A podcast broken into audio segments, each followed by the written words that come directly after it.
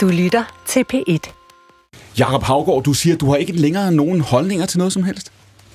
Nej, det synes jeg, det er sådan aldersbetonet jo. Hvornår var der et tidspunkt, hvor du tænkte, nu vil jeg ikke mene noget om noget længere? Nej, jeg har bare taget mig selv i, at sådan, øh, jeg, jeg er altid i gang, men jeg vil egentlig beskrive mig selv som doven. Altså, jeg er jo formand for Østjysk Stagitvandrelav, hvor vi gerne gik 100 km for at finde ud af, hvor gæret Ja, var og det er, jo, lavest. det er jo ikke det. det siger mine damer og herrer, Jakob Havgård. Dette er stafetten. To timer, hvor fire gæster sender både spørgsmål og svar videre til hinanden. Og med os ved bordet i dag sidder jo, ja, Jakob, hvordan, hvad, hvordan titulerer du dig selv? Entertainer. Entertainer, ved du hvad, det er også det, der står på mit papir her. Ved bordet sidder også Tamara Rosanes, der i år fejrer 50 års jubilæum, Tamara. Yes. Og som i virkeligheden i forhold til din øh, karriere som, som, øh, som sangerinde, men næsten også til din karriere som dansker, kan man sige det. Det er præcis det matcher i årstal. Det gør det. Ved bordet sidder også filminstruktør Karoline Lyngby, aktuel med filmen Superposition, som jo altså er i biograferne nu. Det kom den 23. marts. Karoline, hvor længe har den været undervejs? Det har den cirka tre år. Føles det kort tid, lang tid Det er relativt kort tid for en spillefilm. i den branche, ikke? Og så har vi så skuespiller Lukas Tøjer, som lige er kommet ud af hvor mange måneders intenst arbejde, Lukas? Åh, 13 måneder, sådan. Så nu står den lidt på ferie. Det, det gør den nu, men der, altså, der er to timer tilbage. Om to timer Ja, om, om to timer, så, så går jeg på ferie. Om to timer har du ferie. Mit navn er Clemen Kærsgaard, og det er, mine damer og herrer, stafetten på P1.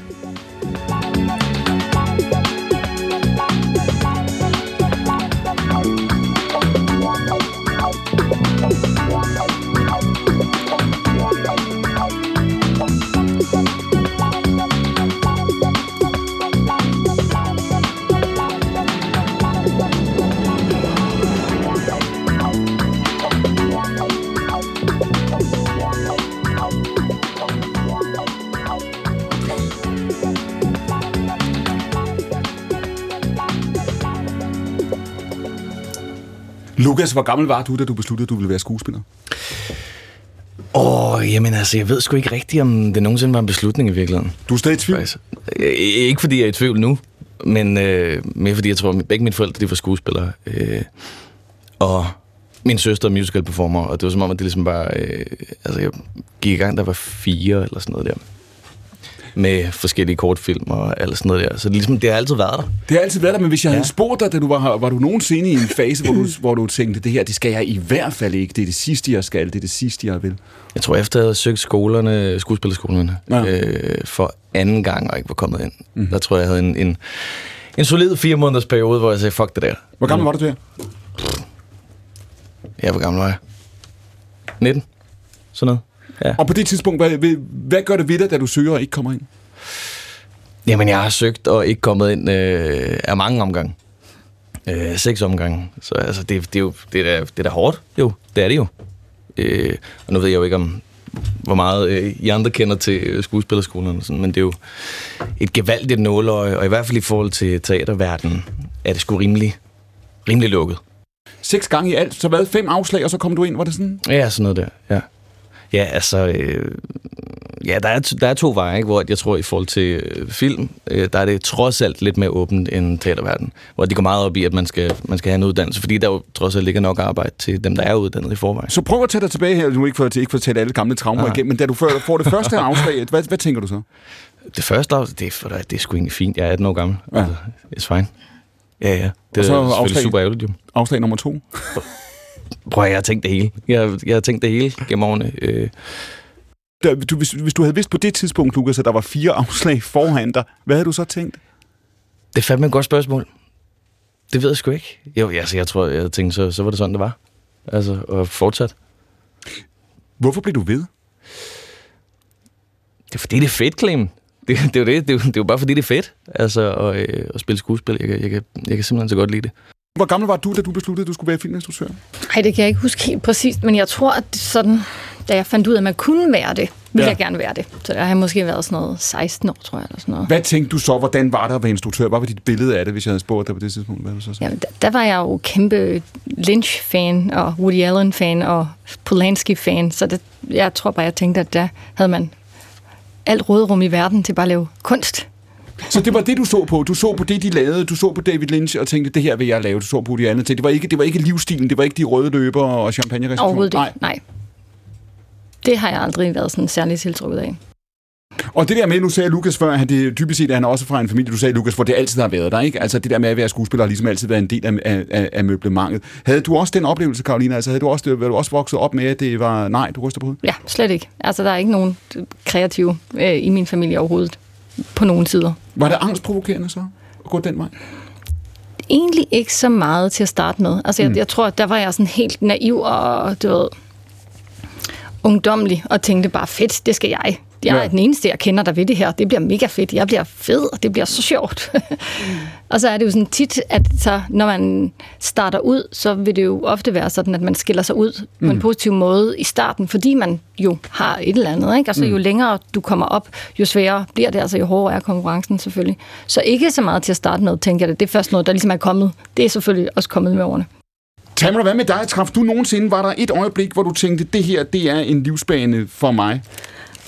Nej, det, det skete bare for mig. Jeg har været det helt modsat nærmest, ikke? Eller, jeg har elsket musik i mit liv. Jeg har spillet i skoleorkester og sunget i kor og øh, spillet klaver og violin og alt muligt, men var meget generet og har aldrig min drømme troede, jeg skulle stå på en scene. Som barn var mm. jeg meget, meget generet. Um, så kom jeg, og så blev, okay, i min teenageår blomstrede jeg at blive cheerleader, og mm. det var måske min start i showbiz på en eller anden måde ja. i min high school. Men um, så kom jeg til Danmark, um, og har ingen ambitioner om sang, med min daværende mand sagde, ved du hvad, du skal uh, med den stemme, du kunne gøre noget, fordi jeg spillede ved lukkede døre. Mm. Og jeg har spillet siden jeg var 16, uh, guitar og sunget alle de gamle hippie-sange og alt det der. Um, men ingen ambitioner selv. Og så min daværende mand sagde, gå ind og prøve at spille ind i Vice Versa Hus. Hvad spillede du på det tidspunkt? Du siger, du spillede guitar, du spillede sange fra den periode. Hvad var det, du spillede? Jeg spillede alle de der hits fra den gang. Det, er, det var Blowing in the Wind mm-hmm. og Tom Paxton og alle de der hippie-sang og uh, 60'er-sang, der og det var i 60'erne, alle fik en guitar og skulle være med i det her protestbølger, fordi der var så meget. Og det, så det var en del af, af hverdagen, havde jeg sagt. Det var en del af møblemanget? Og det var en del af der, hvor jeg kommer fra, i min lille by. Det var en, uh, en meget kunstnerisk by. Det ligger en team nord for New York City, så ja. vi havde alle de gode ting inde i New York City, men ude på landet og på bjergene. Og der var rigtig mange sådan, historier om bohemer og freethinkers og socialister, der kom til, til det her område. Ja. Og så der var mange kunstnere, der der bor der. Og, og så vi, vi var ligesom vokset op med det. Var du klar over på det tidspunkt, Tamra, var du klar over, at det her, det var et, at der var et, et kapitelskifte, eller et tideværv, eller der skete noget, eller der var noget, der forandrede sig der? Fordi du, når du beskriver det, lyder det også som et sted, der havde en historie og nogle traditioner i den her, i den her retning. Tænkte du, jeg er en del af noget, der er et kapitelskifte her, der finder sted lige nu? Ja, i 60'erne, ja. og i hele det der hippiebølge, ja, ja, jeg var i den grad en... Uh, et barn af min tid, eller ja. hvad det hedder. Um, jeg var med i bevægelsen, ikke fordi jeg var et forerunner, eller, for, eller ligesom det er ikke mig, der opfundet det, men jeg kunne se de værdier, som hippierne kæmpede for, var noget, jeg også var troet på og, og vil være en del af. Så, så derfor, ja, og, og jeg var virkelig en del af det. Jeg flyttede til San Francisco senere, og uh, så ja, og så kom København. Jakob, hvornår hørte du uh, Beatles første gang? Det gjorde jeg Mr. Postman. EP. Jeg spillede væskebræt til. hvordan, hvordan lød det? Kan du synge det? Det er Mr. Postman. Altså, så skulle man sådan slæbe den ene hånd henover. Hvor gammel var du? Jamen, jeg har vel været... Jeg er fra 52, jeg har vel været en 12 år eller sådan noget. Eller 12 år. Jeg har fået i hovedet, jeg vil være berømt. Og der, hvor jeg kommer fra, der er alle blevet forbigået snydt af tilværelsen hvor enormt intelligente mennesker. Så jeg, jeg vokset op i Rigskov, det, øh, lige foran sindssygehospitalet, der var det billigste sted at købe et hus. Så der boede hele familien, alle sammen. Vi boede 18 familiemedlemmer i lige linje, og alle var blevet ligesom snydt af tilværelsen, kan man sige. Sådan, øh, hesten kom, så forsvandt traktoren. Min far var ekspert i heste, så måtte han blive tømmer, og min mor kom jo fra Færøerne, så jeg mit held, mit held fremover, det var egentlig min mor, fordi hun, på færgen har du et matriarkat. Ja. Mændene er jo altid ude at sejle, så det er kvinderne, der bestemmer alt. Så jeg er vant til stærke kvinder, som mange mænd har svært ved at vinde sig til i dag. Det rører mig simpelthen ikke. Det kan jeg enormt godt lide. Der er no, jeg kan også, I det hele taget godt lide, at der er nogen, der bestemmer over mig. Det vender vi tilbage til, det der. Det, du siger, det her, det var en, det, du boede et sted, hvor du tænkte, her er, er tilværelsen. Altså, altså, lykken er gået forbi næsen på os alle sammen. Ja, egentlig. Jeg er født til at blive snydt. Det var en af linjerne i en af mine sange der. Men så hvor i baghaven, der boede den nu berømte Kurt Thorsen mm. og hans far. Mm. Det var ikke Kurt. Han var en lille tyk dreng, men, men hans far havde opfundet stålvæsken. Og øh, det, det var aldrig set før i verden. Nej. Og han kørte Cadillac og var en ekstrem ekscentrisk mand, og tænkte, så vil jeg være. Jeg vil, jeg vil simpelthen være berømt ligesom og, ham. Og da du er 10 år gammel der, og du siger, at I bor lige ved siden af sindssygehospitalet ja. i Rigskov, var du, var du klar over det her? Tænkte du, der er nogen, der er rigere end os og mere privilegeret end vi er? Var, det, var du bevidst om det? Nej. Nej. Jeg kunne bare kravle igennem hækken. Altså lige fra, at, at øh, at vi sparede enormt meget på pengene, fordi at når du, de er jo fra landet, så de vil eje selv. De skulle have boet til leje, men de var fra landet, så de vil eje det her hus selv. Mm. Og så tre børn, så øh, de, havde, øh, de havde aldrig penge. Nej. Vel? Så, så kunne du kravle igennem hækken, og så kunne du kravle over til da, en af Danmarks rigeste mænd. Bare, og han var fuldstændig ligeglad med de her penge. Det havde han intet forhold til. Han var kun interesseret i selve dynamikken i handelen eller i opfindelsen. Han havde slet ingen interesse i status. Og du siger før, at du ville være berømt. Ja. Fra hvor gammel, hvor gammel var du, da du tænkte ja, det? Ja, det har været 12 år. Okay. sådan noget. Ja, 65. Foråret 65 der spørger han mig om, hvad vil du være, Jacob, når du bliver stor? Så siger jeg, jeg vil være berømt ligesom dig, siger jeg til herr Thorsen. Ja. Øh, og så øh, gik jeg efter det, og så blev jeg berømt øh, 21 år efter. så det gik, det gik efter planen? Ah, det, nu, nu øh, altså ligesom at, at uh, Lukas har prøvet alle de gange på teaterskolen, altså jeg tror de første 10 gange jeg blev jeg bort ud. Mm. Altså, eller smidt ud, simpelthen ud på nakker, eller af røv og albuer. Altså, fordi at, øh, at jeg, øh, Thorsen havde også lært mig, at du skal bare sige ja, Jakob. Ja. Du skal ikke sige, du skal ikke sige jamen, det sagde alle folk. Ja, eller øh, det der nej og ja sammen. Du skal sige ja eller nej. Mm. Så øh, blev spurgt, kan du spille til grisefest på Lygten Kro? Så sagde jeg, ja, det kan jeg sagtens. Og så kunne jeg kun et nummer. Og allerede efter det, så kom hun og hentede bare, tak, det er fint. Uh, så stod du ude bag en masse, øh, bag ved Lygten Kro mellem en masse tomme flasker, og så fik man en 50'er. Og det, og det er stadigvæk det, du gør, ikke? Du siger ja, ikke? Ja, jeg har... Ja, jeg, jeg øh, beskæftiger mig. Jeg er blevet meget lykkelig på mine gamle dage ved Jeg tager ikke stilling til alt det der. For, jeg, jeg giver bare folk ret, hvis det er det, de vil, så er det fint. Men har du nogensinde, altså, har du nogensinde sagt nej? Øh, ja. Ja, ja, det var det, der, det var det, jeg savnede allermest, da jeg holder med at drikke øh, alkohol ja. og tage narkotika. Fordi der kunne jeg med at sige nej, så det ville noget. Men så opdagede jeg, at det havde jeg ikke noget ud af. Hvad fanden skulle jeg med det? Altså, det var så... først, men var det, var det, var det, er det det, du siger nej for første gang, eller ligesom, skal vi sige, vælger noget fra, eller føler jeg, her, her, nu skal du styre den sagt retningen? Er her, der noget, Fra jeg er 14-15 år ja, til jeg er 40 ja, år, og så lige pludselig, så savner jeg det jo. Ja. Altså, det er en dybt, dybt savn. Jeg er så forelsket i at være beruset, så det er trods en hver beskrivelse. Så øh, det, der hjalp mig mest, det var, at jeg så på det som, en, som om der var en, der var død for mig. Som en soveproces. Og på den måde, så kom jeg, kom jeg igennem det. Vi skal, og, vi skal tale om alt det her nu. Du, nu har du taget os gennem hele din tilværelse i virkeligheden her. Øh, årtierne flyver forbi, Jacob. Jeg skal, ja, nu skal jeg lige tilbage til dig, der da du hører Beatles første gang. Ja. Øh, øh, please, Mr. Postman. Tænker du, øh, øh, David Bowie har engang sagt det sådan, at da musikken kommer der i 60'erne, der siger han, det er et call to arms. Altså han følte, at nu bliver man, nu, der var noget, der kaldte, der var noget, der kaldte på en. Der var noget, man skulle være en, en del af. Havde du den oplevelse? Tænkte du, det her, det, det er fremtiden? Nej, det var sgu p-pillerne, der forandrede det hele. Det var fandme ikke David Bowie, mand. Det var Novo Nordisk. Det var det sgu. De skulle have nogle kvindfolk ud på fabrikkerne, og de skulle ikke være gravide, ikke? Jo. Og det forandrede fuldstændig alting. Min mor første gang hun i seng med en mand, det var min storebror. Mm. Sådan var det hele vejen igennem. Alle kvinder i min familie, de var, der var ikke ni måneder, fra de blev gift til de fødte den første, og så videre. Hele vejen igennem, det har man helt glemt i dag. Og det er det, der musik forandrer ikke noget. Musik er øh, lige så snart... Øh, musik er et symptom på tiden. Det er ikke... Øh, et, et, musik bestemmer ikke over tiden. Nu siger Jacob det her med, at det var p-pillen, der forandrede det hele. Det var ikke, det var ikke, det var ikke musikken. Det var ikke musikken, der kom, kom, kom først. Er det, er det rigtigt?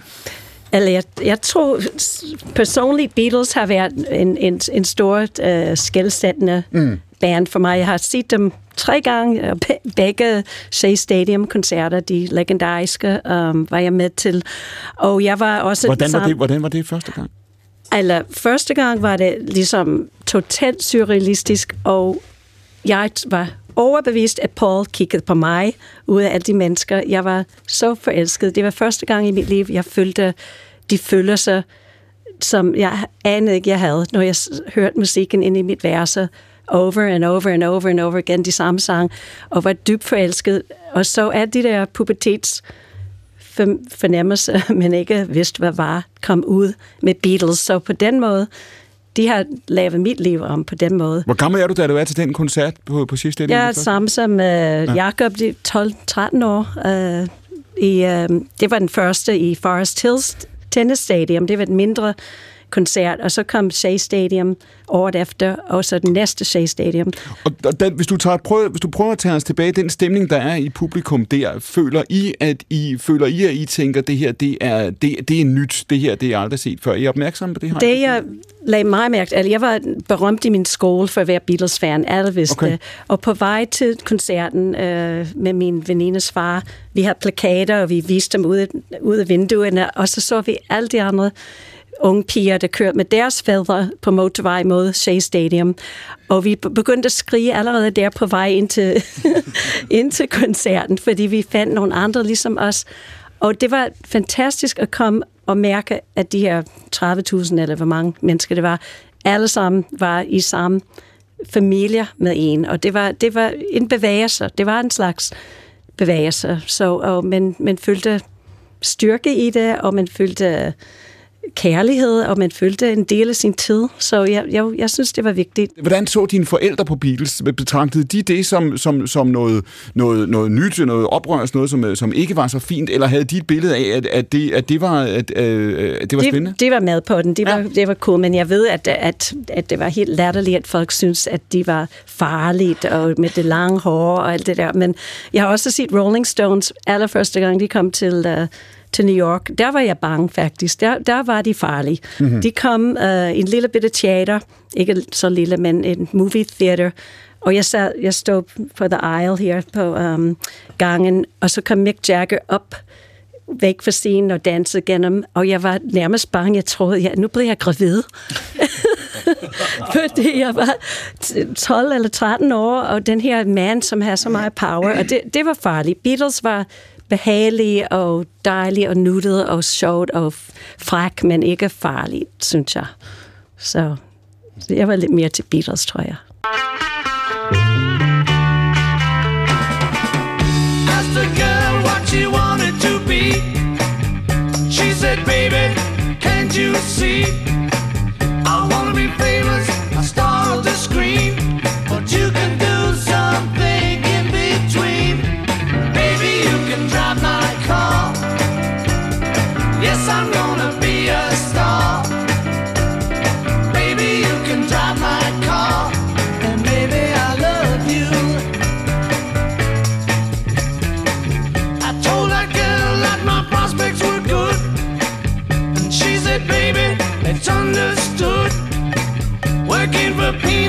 It's all very fine.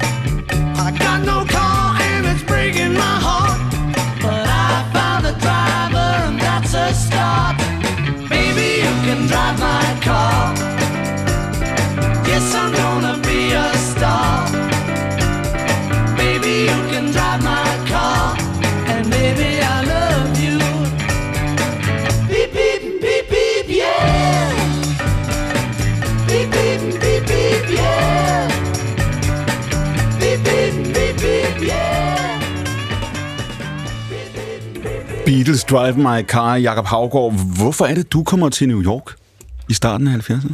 Øh, jeg, jeg, min mor er jo... Jeg er født på Færøerne, min mor er fra Færøerne. Og øh, der kommer man ud at sejle, når man ikke opfører sig ordentligt. Så jeg kom på krydstogsskib Norsk Amerika-linje. Når man ikke opfører sig ordentligt, siger du, hvad har du gjort? Jamen, jeg, øh, jeg øh, spiste LSD, ligesom andre spiser søde tabletter.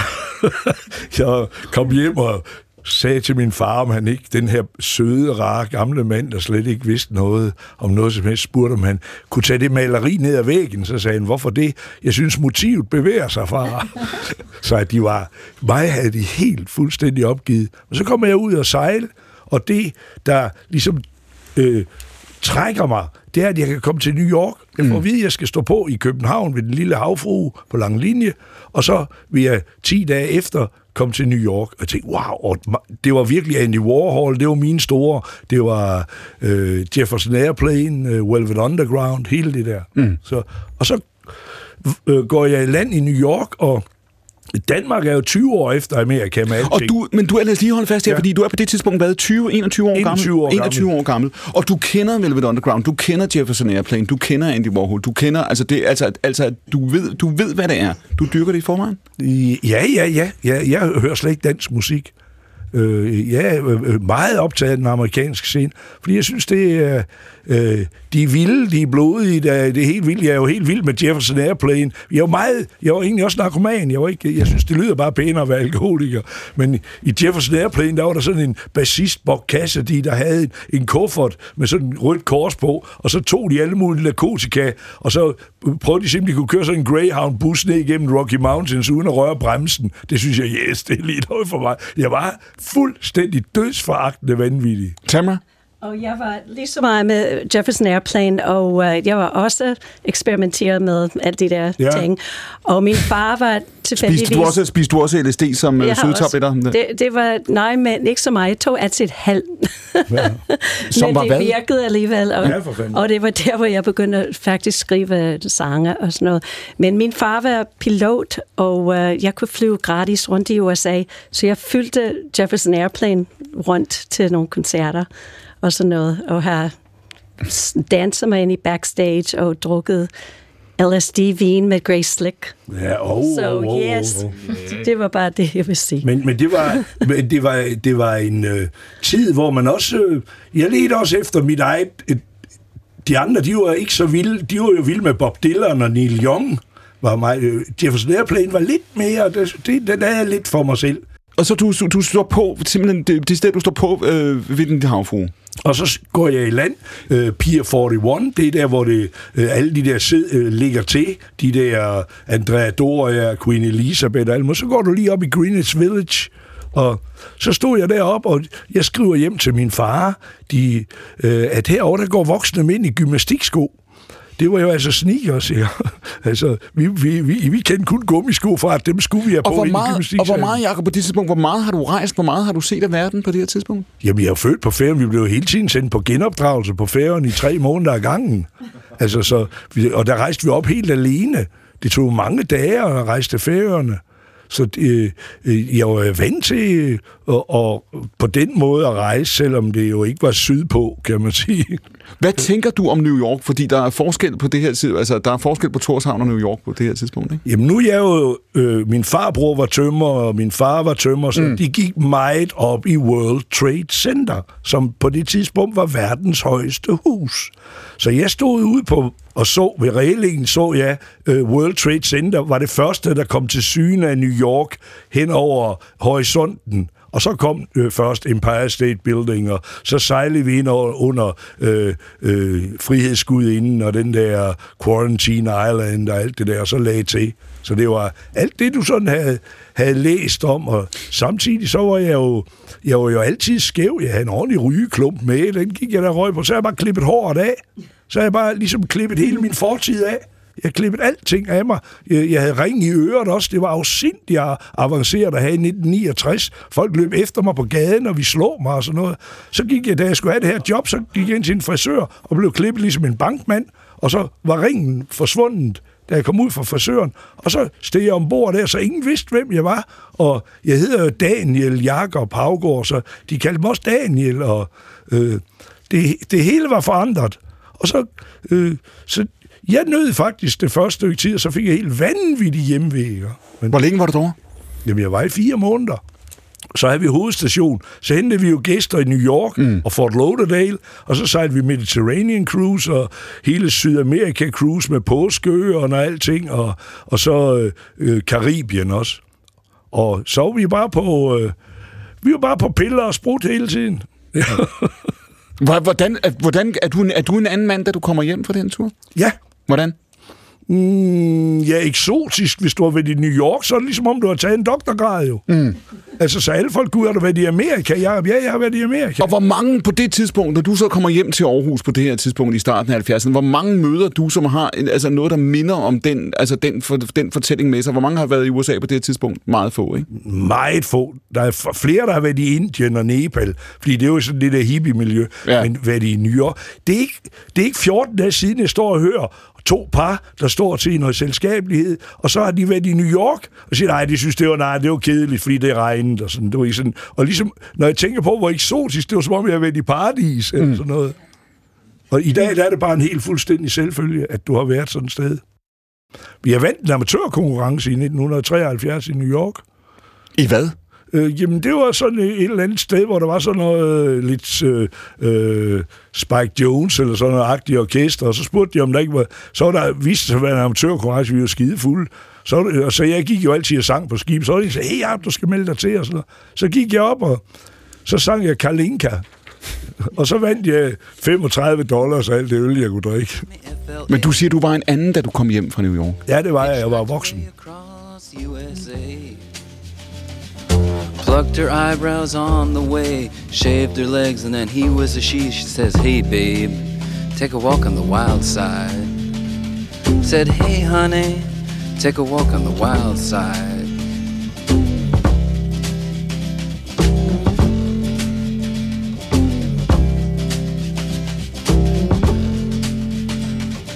Candy came from out on the island.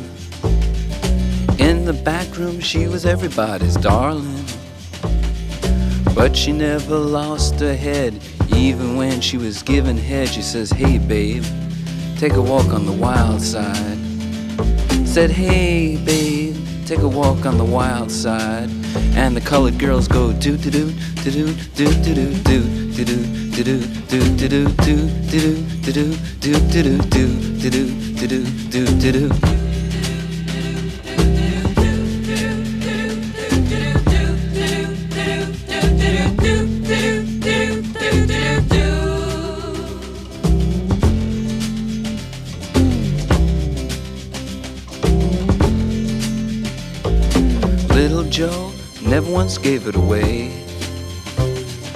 Everybody had to pay and pay. A hustle here and a hustle there.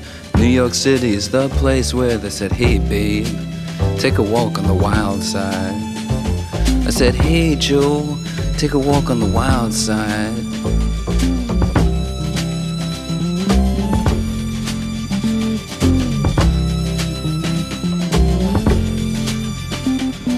Sugar Plum Fairy came and hit the streets. Looking for soul food and a place to eat. Went to the Apollo, you should have seen him go, go, go. They said, Hey, sugar, take a walk on the wild side. I said, Hey, babe, take a walk on the wild side. Alright. Ha. Jackie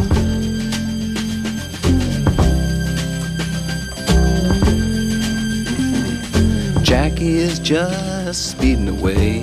Jakob, du sidder og siger det nu. Hvad er det, der er med det her nummer, der ligger i baggrunden? Jamen, det er banebrydende, ikke? også? Det er, øh, Amerika er jo centrum i imperiet. Det er det jo altså, ligesom at øh, øh, vi vidste alt om, vi vidste alt om Amerika, men de vidste ikke en skid om os. Mm. Det samme med Romeriet, det øst- og det vestromerske rige. Vi, romerne, de havde ikke en skid om Jerusalem, men i Jerusalem vidste de alt om, om Romeriet. Og det, og det, vi lytter til her, når vi lytter til Lou Reed, så det er jo både i virkeligheden, du siger, det er den måde, det lyder på. Det, det, det her, hvad, er, hvad er det her lyden af, Jacob? Hvorfor er det her så banebrydende? Jamen, det er den der ligesom du selv snakker om, øh, øh, den første forårsdag, og, men samtidig så er New York jo en smeltedeal. Der er masser af transvestitter ikke? i 72, og så kommer de jo alle sammen ud af deres, det er jo ene lejlighed, og så kommer de pludselig ud i solen og vandrer ned og har plukket benene for hår og det hele. Det er så fantastisk nu. Og så er hele fornemmelsen i nummeret, hvor tekst og melodi hænger sammen. Det er jo hittet. Thelma, du beskrev det før, fordi da du oplever det her i upstate New York, oplever du det som en konfliktfyldt tid? Altså oplever I det der, øh, din familie, dine forældre, oplever I det her som noget, der er øh, konfliktfyldt og som, som, som peger mod spaltning og splittelse? hippiebevægelsen af mm. 60'erne og mm. starten af mm. 70'erne, ja, det var selvfølgelig noget at gøre med Vietnamkrigen, som var det mest upopulære krig, og der var virkelig splittelse. Um, du, du siger det der før, Jacob, med på det her tidspunkt, at du kommer til New York der i, i 73, ikke? Du siger, at man ved godt, det er imperiets centrum. Altså, det er herfra, det udspringer på en eller anden måde, ikke? Eller det er... Altså, det vil sige også, at du kommer tilbage til Danmark, så tænker du, vi er en del af den her historie. Altså, vi er en del af, øh, øh, øh, af, af noget større, som, som også er uden for, for, for landets grænser. Det her, det hele, det kommer fra. Ja. Det, det hele kommer derfra, og vi har kun læst om Vietnamkrigen. Vi, vi ved jo ikke noget om, om krig i Danmark. Øh, men det gør de sgu i Amerika. Mm. Og vi, øh, det er der, jeg lærer engelsk. Der er mange mænd specielt, der øh, simpelthen øh, tager til Danmark og ikke kommer tilbage til Amerika, for de vil med ikke ud og kæmpe den der fuldstændig nyttesløse krig. Og en af dem, der forlader øh, Amerika på det tidspunkt, det er dig. Fordi ligesom nu har, vi været med, nu har vi været med Jakob i, i New York i 73, og det er jo, det er jo stort set sammenfaldende med, at du ja, tager den anden vej. Ja, lige, lige der omkring. Um, ja, det var ja, fra New York til California har jeg boet og øh, gik på universitetet, og så på en rejse mødte jeg en dansker og blev forelsket, og det her hippie-ting har, har fyldt mit hjerte, live for the day, og mm. tager, tager kærligheden, og love the one you're with, og så jeg var bare forelsket, og jeg bare droppede alt og flyttede til Danmark. Mm. Og meget til mine forældre selvfølgelig, det var ikke helt vildt med det. Men, um, og så kom jeg herover med ligesom ingenting, og uh, vi var unge, og vi havde ingen penge, og, um, men det var en eventyr, og um, jeg vidste heller ikke noget om Danmark overhovedet. Jeg, vidste, jeg troede, min, jeg blev ved at se my, my Dutch boyfriend, fordi, fordi så let vidste jeg om Og du er, du er jævngammel med Jakob på det her tidspunkt. Du var 21, sådan noget? Jeg var cirka 20, da jeg kom og til Danmark. Og alligevel ja. har du på det tidspunkt, og det har du allerede fortalt, du har været cheerleader? Du har set Beatles flere gange? Jeg har været til Woodstock Festival. Du har været til Woodstock? og tager en næsten færdig uddannelse som talerpædagog.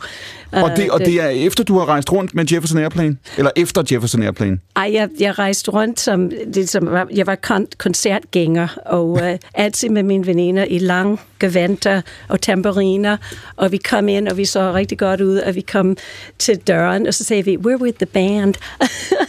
og så kom vi ind gratis til alle koncerterne. Og, og så al den, hele, den her, hele den her historie har du bag ved dig, hele dit liv har du levet så på kom jeg okay. til Danmark. Så kommer du til, som, igen som 21 år, det er det, vi skal lige prøve at holde I, ja. I februar ja. måned, og, og det var meget gråt, og jeg kom lige fra San Francisco, og det var meget småt og meget rolig og langsomt, og, øhm, og alt det der, alt var langsomt, og, men meget tryg og meget idyllisk og romantisk, og jeg var bare ung, og jeg sagde bare, yes, det er bare fantastisk. Så du kommer fra Kalifornien til, øh, til, øh, til hvad? København i februar 73? Til Bagsvært, of all places, ja.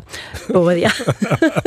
og hvad er, hvad er København for et sted på det tidspunkt? Nej, men det var, det var heldigvis også noget hippie-miljø, som jeg kunne identificere mig med. Mm. Men, uh, um, men som sagt, det var bare småt, og man kunne ikke få nogle af det musik, vi, jeg har gået efter. Jeg kunne ikke få det madvarer, jeg var vant til.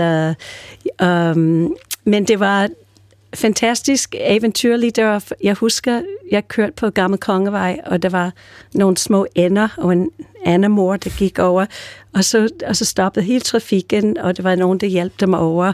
Og det var ligesom i H.C. Andersen, uh, det var helt vildt. Uh, man kunne ikke forstå. Og du tænker, du tænker du på det her tidspunkt, her skal jeg, her skal jeg være? I, altså, her skal, Her jeg bo. skal jeg bo, og her skal jeg lære det der forfærdeligt sprog, hvor øhm, Var du meget forelsket, Tamla? jeg var meget forelsket, ellers Ja. ja. har jeg ikke gjort det Nej, jeg, skal, jeg tænker også, der må være en forklaring på det her. ja. Men øhm, ja, men øh, og, og ingen, virkelig ingen ambitioner om, om karriere på det tidspunkt heller ikke. Det var bare rent, just go for it, you know. Og heldigvis har det endt så dejligt, og jeg har ingen fortrydelser over det. Men øh, ja, Og hvor længe har du været, da du ender inde på i Tivoli- i Tivoli? det var øh, et, faktisk kun et halvt år efter, jeg mm-hmm. kom ind til optagelsesprøve, og anede ikke, hvad jeg skulle, eller hvad jeg sang. Um, en Joni Mitchell-sang, tror jeg, den der Night in the City looks pretty to me. Og sådan meget sådan en lille pigestemme, og, og Tør Olsen var ham, der havde det, og så efter han stoppede mig midt i, så sagde jeg, okay, den er, den er helt gal, han kan ikke lide mig. Så sagde han, du er hyret, og det startede i aften, og her er 100 kroner, gå ud og køb en guitar-ram, øh, fordi jeg vil have, at du står op. Og så, jeg har ikke siddet nede siden næsten. Så du blev, 50 hyret, år. du, blev hyret, du blev hyret halvvejs gennem Joni Mitchell? Ja, det gjorde jeg. Men, øh, men det var, og så første gang jeg fik penge for at optræde, fordi jeg har ikke, jeg har ikke tænkt på det som en karriere, eller mm. så kom den her gamle dame ned fra kontoret op i Viceværshus og gav mig 400 kroner. Og så jeg følte mig helt kriminalagtig. Jeg at penge. Skal jeg have penge for, øh, for at spille? Det var, det var en helt anden bevidsthed. Jeg vidste ikke, hvad jeg lavede. Lad, lad os sige det. Og jeg vidste ikke, hvordan jeg skulle snakke med publikum. Og øh, jeg var de der vikinger, der kom, det var 70'erne, alle havde kæmpe skæg og langt hår, og de drak helt vildt meget.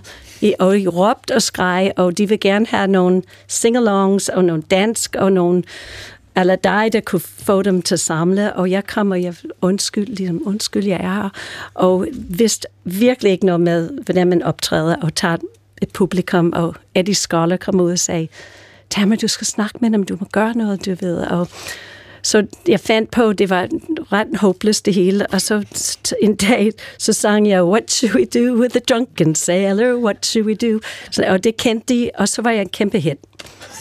Ligesom dig, man kan, kan tænke der, eller kan linke, eller hvad hun hedder. Så, så. Så- Og den her, føler du, det, når du beskriver det på den her måde, du, du, du føler du dig budt velkommen i Danmark? Føler du, at det er det, er det welcoming? Jeg det var- det? Som, som Jacob snakkede om, Am- Amerika repræsenterer for mange i kulturlivet ja. i hvert fald uh, noget stort. Og jeg kom og lignede lidt Joan Baez og sang lidt Joan Baez-agtig, og, mm. og jeg blev taget rigtig godt imod um, af publikum, og senere det jeg lært, hvordan man snakker med dem. Og uh, uh, pladebranchen var lidt, mere åben til, uh, fordi jeg var den autentisk, hvor jeg var lige kommet lige, lige off the plane from San Francisco. Så jeg, blev, jeg har ikke følt mig på nogen måde diskrimineret eller noget. Som amerikaner var jeg at mange døre åbnet. Og en dag kommer, øh, er der en herre, der kommer op og har et tilbud til dig, ikke? Jo, det var, jeg har ikke været så længe i, øh, i branchen. Jeg var ikke i branchen rigtig nu. Så kom der en pæn ung, ung mand op til mig og sagde, ej, jeg kan rigtig godt lide din stemme. Vil du gerne øh, synge på mine plader på mandag i, i studiet? Og jeg har aldrig været i en pladestudie, og så tænkte jeg, ja, se ja til det hele. Og så kom jeg Som Jacob Havgaard ville have gjort, ikke? som Jacob Havgaard ville have gjort. Og, øh, og så kom jeg mødt op og anede ikke, hvad jeg skulle lave. Men øh, det var Noller fra Olsenbrødrene. Og de var også store i 70'erne. Mm. Så tror jeg, de gik lidt ned, og så kom de op igen. Men de var ret kendt, og de sang nemlig på engelsk. Så derfor, øh, det var en sang, der hedder Another Revolution. Og der mødte jeg Sander Salomonsen og øh, Janni Hø, tror jeg, som senere jeg kom til at spille med. Og, men jeg, jeg klarer mig rigtig godt i det her sammenhæng med som korsanger, fordi jeg kunne læse noder, og det var de meget imponeret over. Og, øh, og det rigtige accent og alt det der. Og, så jeg blev hyret til rigtig mange produktioner, og man kan høre mig, hvis man virkelig hører efter på for eksempel John Mogensen, så man skal aldrig sige aldrig. Med en smule amerikansk accent. Ja, jeg prøvede at blande mig, og jeg lærte det selvfølgelig, at der var flere i kort, så det, det virkede. Men så er der jo også, fordi så kommer der også, der sker også noget på den danske musikgenre i scenen på det her tidspunkt, og du siger Sebastian blandt andet. Ham hører du. Ham hørte jeg, og det, var, det sagde mig noget. Det var sådan øh, noget, jeg kunne ligesom forbinder mig med, med det musik, jeg elskede, og uh, det var lidt folk, og det var lidt rock-attitude, og rigtig gode melodier, og, og det var første gang, jeg faldt for en dansk kunstner.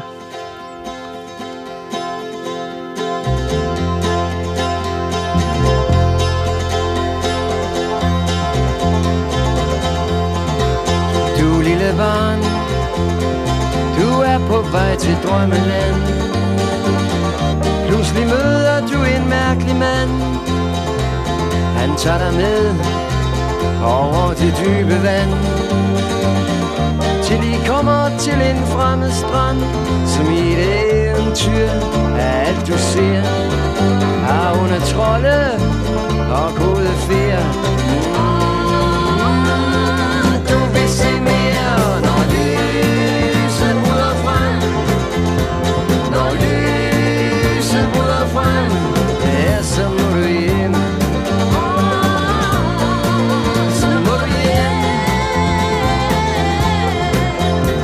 Det hus, højt på en bakketop. Kun den smalle sti kan nå derop. Et kraftigt sus fra dribbens vingeslag. Døde rotter er her masser af, som i et eventyr er alt du ser.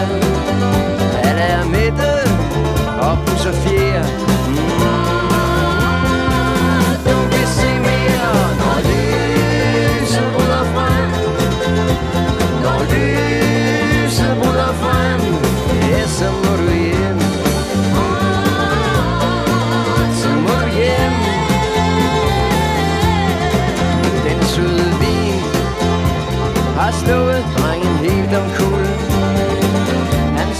Tår, i en spand af guld. Et smykkes skrin vil grave i et mægtigt hul. Hvor tyven selv bandede sig blø og fuld. Som i et eventyr af alt du ser. Syndig sjæl der er væk, men har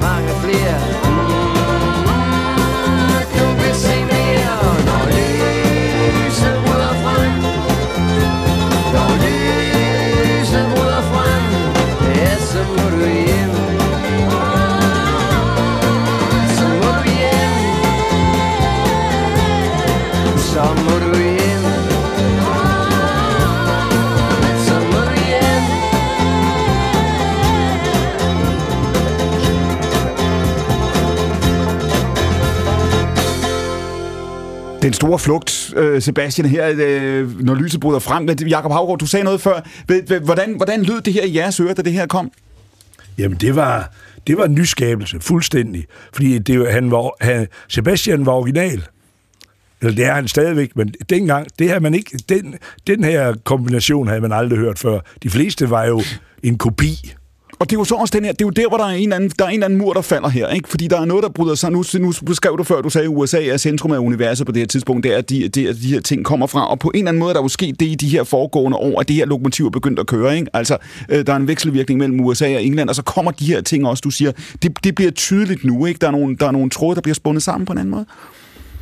Ja, der, altså, altså øh, øh, der går jo ikke andet end, du er henne i 778, så lukker man danstoppen. Man begynder at overveje at nedlægge SIO 413 og sådan noget. Hvad alt det, jeg er vokset op med. Så det, og, og rockmusikken har helt overtaget det hele. Og lad os lige, ja, og lad os lige gribe fat i det. Har du, hvor, har du nogensinde, Jakob, tænkt i god smag og dårlig smag?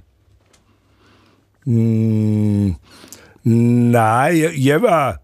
Dengang var det jo meget... Øh, ligesom mange ting går jo bare igen. I dag jeg taler du om cancel culture. Min, Ja. min smag var det, de andre kunne lide. Altså, og så havde jeg jo Jefferson Airplane lidt for mig selv og sådan noget, men, men ellers hvis du hørte Carpenters eller ABBA, så øh, var du ekskluderet. Så, så, så det, og i dag vil jeg sige, det var jo god smag. Det, det er helt vanvittigt godt, øh, både Carpenters... Men det vil sige, at du, var- så du, du, du, du var barn og teenager og ung her på det tidspunkt. Der vil du gerne, du vil gerne være cool. Du vil gerne kunne lide det, de andre kan lide. Ja, ja.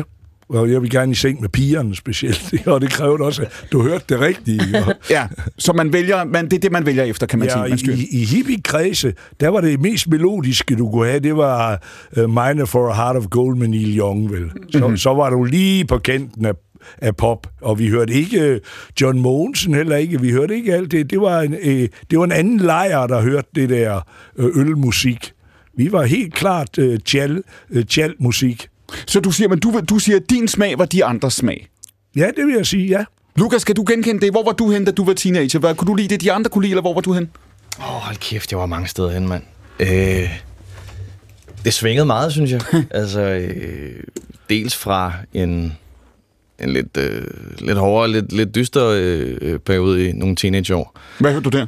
Øh, super meget øh, hiphop. Ja. Øh, det gør jeg forresten stadigvæk. Men øh, det skulle gerne være... Øh, det, det, det hårdeste hiphop, det ligesom kunne være, ikke? Okay. Ja, det skulle det gerne være. Så hvor hårdt er det? Hvad er vi over i? Åh, hold kæft, mand. Det, men det er også det, det var, det, hvad var det, slut nullerne eller sådan noget der, ikke? Der var det jo, ja, ja, super meget suspekt og... Øh, Dansk hiphop? ja, mm. ja, for det meste. Og det der, med- det der med, når Jacob siger, at man hører det, som... Øh, man, altså, du siger, du siger Jacob, man hører det, der... Enten det pigerne hørte, eller det, de synes, man skulle høre, ikke?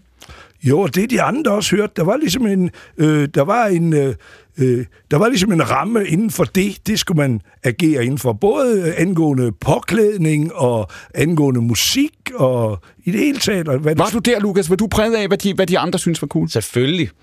Det, tror- altså, jeg tror, der er meget få, øh, specielt teenager, der ikke er påvirket af noget som helst. Altså, Karoline, hvad med dig? Var du, var, kunne du lide det, de andre kunne lide? Ja, det kunne jeg da helt bestemt. Altså, så valgte man jo ud, ikke? Inden for, inden for hvad der var god smag, ikke? Nu, nu nævnte du det med David Lynch før, ikke? Nu, når, vi, når vi taler før om New York, og vi taler om, om USA som imperiet der, på det der tidspunkt, da du er ung, og da du ser øh, øh, Lynch for eksempel. Hvad, hvad, er- hvad er det, der taler til dig der? Altså, for mig var det, var det sådan helt mindblowing at se en David Lynch-film første gang. Altså, det, det var noget, jeg aldrig havde set før. Altså, jeg tror, det der med, at, at et indre liv på den måde fik et udtryk, altså, det havde jeg aldrig set på film før. Hvad var den første Lynch-film, der gjorde indtryk på dig? Blue Velvet. Hvorfor? Jeg tror, altså sådan hans kombination af det der sådan helt overdrevet melodrama, som virkelig får lov at blive spillet ud. Altså det er sådan, at det psykologiske blander sig med noget, der bliver sådan helt abstrakt. Det synes jeg var helt fantastisk. Hvor gammel er du, da du ser den? 14, tror jeg, 13. Og du tænker, det her, Det er vildt, at det findes. Det vil jeg være med i på en eller anden måde. Når Jakob beskriver det før og siger, at der i starten af 70'erne, der er USA er ligesom imperiets centrum, eller det er her, det, det flyder fra på en eller anden måde. Altså, da du, da du ser Lynch på det der tidspunkt, og han er jo dagsordensættende Blue Velvet, og det er årene før, det er, øh, øh, det er 86, ikke? så det er nogle år lige der efter Elefantmanden, det er før øh, øh, Twin Peaks og så videre, og hvor han, hvor han står også for, for mange filmfolk, også som, som hvad, som et, han peger et andet sted hen, ikke? Et fuldstændig andet sted, end man havde set før. Og han blander noget mere mainstream med noget altså kunst, ikke? Mm. På en måde, jeg ikke har set før. Står han uden for tiden på en måde? Det synes jeg. Hvordan? Jamen, altså, det er jo også en subjektiv oplevelse, men jeg, øh, det ved jeg heller ikke, om man kan sige, at han, at han egentlig gør. Altså, der, der, man kan, det, Men du sagde ja først, ikke? Jo, men det er fordi, at jo, det, der er noget, der er tidsløst i, i det, han laver, synes jeg, som, som er en eller anden form for drømmelogik, og, og, og noget, som, som jeg synes står uden for tid og sted. Det, på den måde det er det jo også apolitisk, øh, det han laver, men alligevel kan man jo sige, jeg kan jo godt øh, se på en eller anden måde, at Lost Highway er lavet i 90'erne, for eksempel, ikke? Eller sådan, altså, Der er vel heller ikke den allerlængste afstand, øh, Karoline, mellem øh, Blue Velvet og Superposition i virkeligheden? Nej, altså noget. Når du taler Ja, om det før, ja. den måde, du beskrev det på, med Ja. det store drama, og, og samtidig altså en indre logik og så videre, der er Ja. der, altså på den måde kan man sige, at du, på den måde er du tæt på dine inspirationskilder, kan man sige det? Det kan man sagtens sige. Altså, det er jo i hvert fald samme interessefelter, at det så har et andet udtryk. Jeg vil aldrig forsøge at komme mm. i nærheden af at kopiere Lynch, men altså, ja, bestemt øh, ja, samme interessefællesskab, helt sikkert. Da du ser Lynch-filmen der, hvor meget er der en, en længselsfuldhed i det også? Er der noget, hvor du tænker, det her, det er, et, altså, det er ikke et sted, det er en film, men det er et sted, jeg skal hen? Det er noget, jeg skal... Fuldstændig. Jamen, det er som at komme hjem for mig og se den der film. Altså, det føles som en, sådan en spejling øh, i mit indre liv, ikke? Og sådan, og det dykker hele livet værd på en måde, ikke? Selvom du er 14 år gammel. Ja. Kan du genkende det, Lukas, en længselsfuldhed? Altså, at der er noget i den... Nu, I alle fire er jo i, i underholdningsbranchen her. I alle fire øh, kunstnere. Er der, er der den her længsel nu, når, når, når Karoline taler om at komme hjem? Kan du genkende det? Hele tiden, synes jeg. Jeg synes, der er en evig længsel efter et eller andet, der er udefinerbart, som, som jeg synes, jeg kan få nogle glimt af i forskellige processer, i forskellige forestillinger. Øh, for eksempel havde jeg en oplevelse, da jeg var igen, teenager, øh, havde det øh, hårdt i livet, som man jo har. Mm. Øh, Hvad havde du det hårdt med, Lukas? Jamen, der er forskellige ting. Jeg tror bare, jeg var en øh, pissefred ung mand i virkeligheden, ikke? Øh, Var du det? ja, Hvad var du vred over? jamen... Øh, forbandet dårlig skilsmisse fra mine forældre, og nu skal det ikke blive en psykologtime overhovedet, men du ved, du ved for, for, forskellige ting. Okay. Ikke? Øh, forskellige ting. Øhm, og der havde jeg bare en meget klar oplevelse, fordi at jeg jo øh, trods alt var i et miljø, der var sådan, øh, ikke det mest kærlige, øh, kan man sige. Hvor der øh, var jeg med hos en øh, amatørteatergruppe, øh, der hed Dramaterne, en sommer, hvor man ligesom flytter op i, på Gribskov Gymnasium og ligesom bor sammen mm. med, øh, øh, med, sammen med de andre spillere. Og der, der, jeg tror, jeg var 16 der, eller fyldte 16 eller sådan noget der. Og der øh, havde jeg ligesom den her oplevelse, fordi der bruger man ligesom en måned sammen med nogle, nogle i hvert fald også nogle 20-årige, og sådan. blandt andet Simon Bennebjerg, som jeg jo så endte med at overtage øh, Mozart-rollen fra mm. i, den, i den nye genopsætning. Ikke? Øhm, og der havde jeg ligesom den her oplevelse en aften, hvor jeg ligesom sad i det her lokale og opdagede sådan her, gud, det sgu da det her. Det er da det her, det er det her rum, det er det her, øh, den her skabelsesproces, det sgu da det, det egentlig handler om på en måde. Og så som kun en teenager kan gøre det, øh, tager hjem og øh, lægger hele livet om, ikke? Skifter garderoben ud og, øh, og, og, og så videre. Hvad, hvad smider du ud? Jamen, øh, nu lyder det så hårdt at øh, sige øh, smider venner ud, det synes jeg heller ikke, jeg gjorde. Men øh, der, der skete bare et fokusskift, egentlig. Altså, fra at, øh, og, du ved, være øh, pisse ud af reagerende, så øh, til begynder at måske forsøge at prøve at skabe noget i stedet for. Få det, få det på en eller anden måde transformeret til, til noget, der kan bruges. Så der er, du er en person, da du tager afsted på den her lejr, eller på det her projekt. Ja, det synes jeg. Og du er en anden, da du, da du kommer videre. Ja, det synes jeg. Det- Der havde, der havde jeg i hvert fald sådan en, som jeg også nævnte, eller snakkede om før, at, at der, der var ligesom en, en form for vendepunkt, Mm. faktisk. Et tilvalg i virkeligheden. Til med, med hele det Er det så også forklaringen på, når du, når du senere, det er jo så ikke som forfærdelig mange år senere, at du er gennem alle de der afslag og sådan noget, er det også det, der er forklaringen på? Jeg spurgte dig for lidt siden, hvorfor blev du ved? Hvorfor blev du ved med at søge ind, da du fik afslag? Er det. Ja. er det fordi, det der, det du lige har beskrevet nu, da du er 16, det er det, der er din optagelsesprøve på? Det tror jeg. Det tror jeg. Det tror jeg totalt. Altså, der, der var ikke så meget tvivl jo. Altså, uanset om de der, øh, om de der skoler der, eller ej, så vidste jeg med mig selv, at jeg, øh, jeg, jeg, jeg er skuespiller. Eller sådan. Det, det skal jeg da nok bruge mit liv på. På den ene eller den anden eller den tredje måde, så sker det jo. Og det handlede mere, det Lukas, det handler mere om, hvad der sker i det rum, eller hvad der sker, da du arbejder med de andre. Det handler mere om at være en del af den kreative proces, eller det kreative rum, end det handler om, hvad du gerne vil, eller vil anerkendes for, eller vil ses som. Ja, det synes jeg. Det synes jeg. jeg det, for mig i hvert fald, der handler det ligesom om at kunne øh, transformere noget, der ligesom er inde i mig. Altså, Mm. øh, til noget kreativt, eller til noget, der ligesom kan, kan bruges, synes jeg. Det handler ikke så meget om... Øh, jeg, havde, jeg havde ikke en oplevelse af, at jeg ville være, ville være kendt, eller øh, øh, havde en længsel om at øh, sidde og øh, have et interview med, altså, med alle jeres mennesker. Eller sådan. Det, var, det var mere en, en form for en måde at kunne transformere nogle følelser, der øh, måske var svært at rumme i en, i en krop, ikke? Nu, når du hører Jakob Havgård fortælle sin historie, vi skal nok få mere af den om lidt, Jakob, ikke? men det var jo, fordi du havde jo et, altså du begyndte i virkeligheden dit, dit misbrug af det ene og det andet, da du var hvor gammel, 14 år, eller Ja. sådan 13-14 år. hvor du, tog, du spiste LSD som øh, sødetabletter, som du sagde til det, ikke? Ja, det- det startede med, hvad fanden jeg kunne få fat i æt, og, og hvad fanden jeg, hvad jeg kunne finde ned i haveskabet. Jeg var rasende, og ja. så kom jeg ligesom ud af Troldeskoven, da jeg er 25, og, og så efterladt en masse, jeg skulle blive gamle med derinde jo. Altså, de døde jo af det. Det var, altså, jeg er troende. Det er jeg helt klart. Der er, en, der er en engel, der følger mig. Der er et eller andet, øh, der gør, at jeg ikke blev derinde. Hænger det sammen for dig, Jacob? Altså hænger, hænger misbruget, eller, eller den øh, øh, længsel, eller det du, skulle, det, du skulle der, hænger det for dig sammen med det kunstneriske? Er det den samme følelse? Er det to sider af den samme sag? Jeg har drukket mig til det hele. det er, ellers havde jeg aldrig tur optræde. Jeg havde aldrig tur gå på scenen, hvis jeg ikke havde været fuld. Jeg havde, jeg, altså det at sige, at man vil være berømt, det svarer jo lidt til at sige, at være en solsort, eller, eller et eller andet jeg vil være en sejlbåd. Der er, det er der sgu da ingen, der aner, hvad fanden det er. Og jeg vidste heller ikke selv, hvad det var. Så jeg lagde bare ud med at synge Kalinka. Det gjorde jeg hele tiden. Sang jeg Kalinka, så klædte mig bare nøgen af. Og så havde jeg jo fuld opmærksomhed, det kunne jeg se.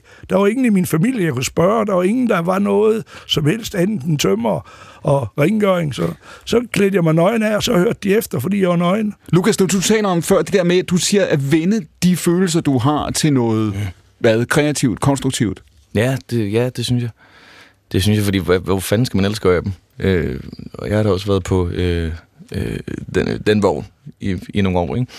Altså, Æter, LSD-vognen og alt, hvad du kunne finde i. ma- masser af amfetamin i hvert fald, ikke? Mm. Øh, og gudskelov, det er ligesom stoppet med det, ikke? Men, øh, men ja, det at få, få det ud på en eller anden måde. Mm. Altså, fordi at der er jo, de, de er der, de følelser der. De er der jo, uanset om man øh, gemmer dem væk, eller, øh, eller øh, brænder dem ud, eller øh, løber rundt og skriger på gaden. Altså, de, de er der jo. Så man skal jo bruge dem til et eller andet fornuftigt, tænker jeg. Og når man har den alder der, når man Ja. har den alder, så ved man jo heller ikke, at man er vred. Nej, jeg kunne jo ikke st- stoppe op, da jeg var 15-16 og sige, I var jeg vred, eller var jeg skuffet, eller jeg forkerte følelser, eller hvad fanden. Man ved, hvornår... Man, man ved ikke, at man er vred, siger du. Nej, det er jo det, det, er der hænger sammen med at være voksen. At jeg siger, nu, nu træder du over mine grænser, nu... Øh, det vidste jeg ikke en skid om. Og det vidste øh, Lukas jo heller ikke. Altså. Mm. Det, det er først så lige pludselig, så sker det for en. Jeg- var så 40 år. Det var noget længe, for længe pubertet med mig. Det siger Jakob Havgård. Han sidder ved bordet ved siden af Lukas Tøjer, som I hørte før. Ved bordet sidder også Tamara Rosanes, som jo altså fejrer 50 års jubilæum, som vi var inde på, både som sangerinde og som dansker. Er det ikke rigtigt? Det er rigtigt. Kan man sige det? Og den premiere aktuelle filminstruktør Karoline Lyngby. De er alle fire med os, også i time 2. Mit navn er Clemen Kærsgaard, og dette er Stafetten på P1.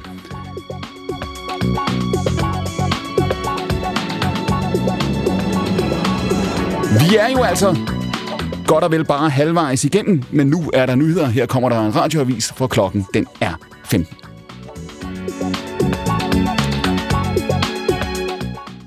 Lukas Tøjer, jeg forærer dig en tidsmaskine. Ja, du gør. Hvor tager du hen? Ej, fedt. Øh, hvor mange gange kan jeg bruge den? En gang. Ej, stop.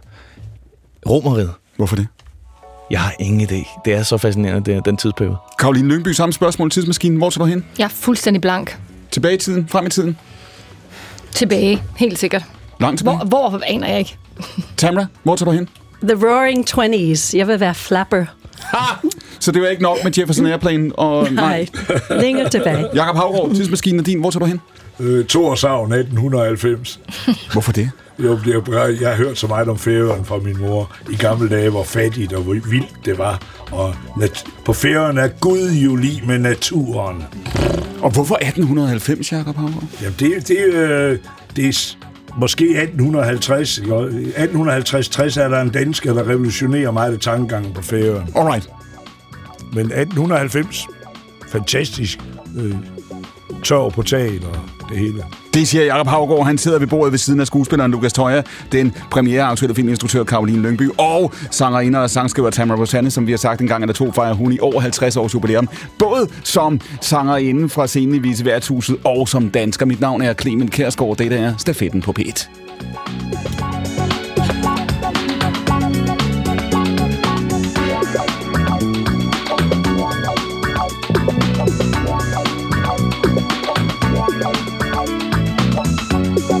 Lukas Tøjer, hvor meget ved du om Amadeus? Da der er nogen, der siger til dig, ved du hvad? Der er en rolle her, der er et stykke. Jamen, øh, ikke lige så meget, som jeg gør nu, trods alt. Men øh, jeg, vidste, jeg vidste lidt, jeg vidste en del. Jeg vidste i hvert fald, at det var en af mine drømmeroller. Altså, Okay, hvor ved du det fra? jamen, det...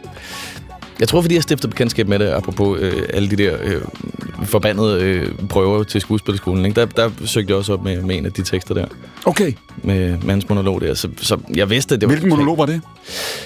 Jamen, hans øh, øh, Gud er musik øh, monolog. Hvorfor valgte du den, da du skulle til optagelsesprøve? Hvorfor valgte du den? Gud og musik. Hvorfor den? Øhm, jeg blev bare så ramt af det, synes jeg. Blev ramt på alle mulige måder. Og der er mange, der kender stykket, og der er endnu flere selvfølgelig, der kender øh, øh, filmen Milos Forman, ja. Film, ikke, som kommer fra de 80'erne, og som jo altså øh, genopfinder. Du, du får et glimt nu, du ser på mig nu, til ja, siger du, øh, øh, øh, filmen. Hvad, hvad er det her for en... Øh, hvorfor springer han af siden på den måde, han gør Amadeus-figuren? Jamen fordi at det, altså i virkeligheden, det, det som Peter Schäfer skriver, er jo, mm. øh, som, som filmen også er øh, øh, baseret på, det manus der, er jo myten om Amadeus. Det er jo ikke nødvendigvis, fordi vi aner jo meget, meget lidt om ham i virkeligheden.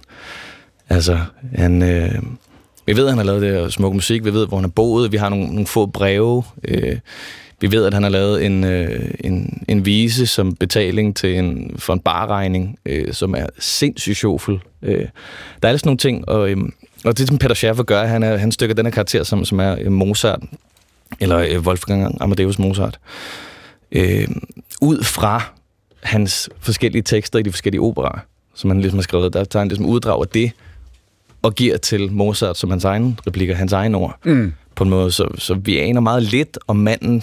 Vi ved mere om den mand, som ligesom træder frem ud af de værker, han har skabt. Og så er stykket jo, og, og hvad enten man har set det på scenen, eller man har set filmen, så ved man, at stykket er jo, kan man sige, en, en dialog, eller et møde, eller en, en kamp i en vis forstand øh, i en boksering mellem Salieri, som er hvad og hvem? Salieri, øh, Antonio Salieri, han er en, øh, en, en øh, modsvarende komponist, der er lige lidt ældre, lidt mere etableret, øh, og en gudsfrygtig mand Ja. i virkeligheden. Ikke? Og han, han, han følger reglerne. Han gør, hvad man skal. Han er god og savlig og talentfuld, men han er ikke Mozart. Det er han ikke. Han har en pagt med Gud, føler han. Ja. Øh, så så længe han ligesom opfører sig ordentligt, så, øh, så skal det nok gå det hele. Og så kommer den her øh, unge person ind, som ikke spiller efter reglerne. Hmm. På nogen måde. Men det går alligevel forrygende godt, og han skaber det mest øh, smukke musik, og hvordan fanden kan det være, tænker Salieri, ikke? Altså, øh, nu hvor jeg gør alt det her, gør det rigtige, øh, hvorfor bliver jeg så ikke belønnet med den musik, som bliver belønnet fra Gud til Mozart? Og det er jo det, der, det er, jo det, der er stykkets øh, genialitet her. Det er jo, at det er for så vidt Salieris vinkel, vi ser det lidt fra. Mm. Ikke? Eller det er det spørgsmål, han postulerer. Og det er jo også den, den Mozart, der, bliver, øh, der ligesom træder frem i stykket. Mm. Det er jo Saligeti's Mozart. Det er jo derfor, det, det er skønt skrevet. At det er jo, det er jo ikke øh, Mozart i sin reneste form. Det er jo øh, Salieri, fordi det hele historien er jo, at man, man starter ligesom med øh, Salieri, der ligger på sit dødsleje og fortæller den her historie. Ja. Så selvfølgelig er det en voldsom, ekstrem, øh, for meget version af, af Wolfgang, man ligesom får lov at se gennem hele stykket. Ikke? Og det vil være rigtigt at sige, at Salieri ser øh, Mozart er optaget af, af misundelig jo, ikke? Altså til mm. bristepunktet øh, øh, misundelig, og også fascineret og, og alt muligt, og låst i alle mulige øh, øh, indre konflikter. Hvor meget ved Amadeus, han har sagt, om Salieri? Hvis du havde, hvis du havde kommet over og prikket øh, din figur, Amadeus, mm. på, på, på, på skulderen undervejs, og sagt, Wolfgang, hvad, hvad tænker du om Amadeus? Hvad vil han så svare? Jamen, øh, helt sikkert noget, man ikke har regnet med, tror jeg. Øh, han vil nok svare, at han, han godt kunne lide ham, at han var øh, til at stole på, øh, at, at de var gode venner. Men det, altså. og det er min pointe, at han er, for ham er, er Salieri lidt perifer, ikke? Altså, han er ikke, han er ikke nogen vigtig, nogen af, han har slet, fascinationen er ikke gensidig, vel? Ikke på samme måde. Nej. Langt fra på samme måde. Øh, altså Salieri, han blev opslugt af, fordi det, det er netop det er også det, som øh, første akt ligesom slutter med, øh, er hele den her kamp mellem Gud, og det er øh, Salieri selv, der er hovedpersonen. Og, Ja. øh, at han siger, godt, så, så gør vi det på din måde, og så øh, vil jeg bekæmpe Gud, og slagmarken er, er Mozart.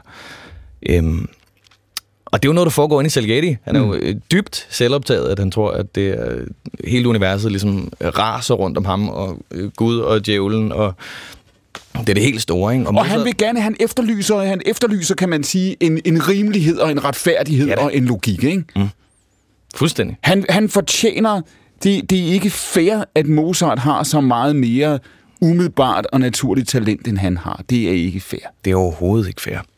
Det er overhovedet ikke fair. Det er også derfor, at han ligesom øh, spiralerer helt ud i, i det ene og det andet, og ender med at sabotere ham, og jo, mm, hvad er medvirkende til hans øh, demise eller hans død, ikke?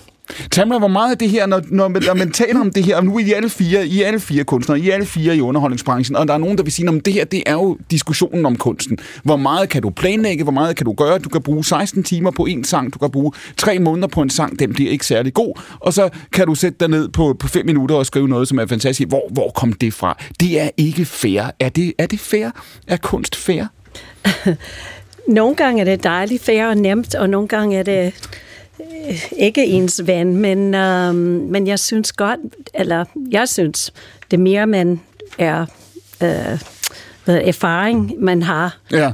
det nemmere er det at være kreativ, og når man er in the zone, og det kan være, Mozart var, was in the zone, eller den der adrenalin, der kører, når man kan, mm. er in the zone, og man, man kan bare spytte den ene ting ud Men- efter men- den anden, tror du ikke? Vil du gerne være blevet det, Jacob? Fordi du har talt om, hvor mange gange, hvor mange gange var det, du blev smidt ud, smidt ud af de, der, hvor du optrådte?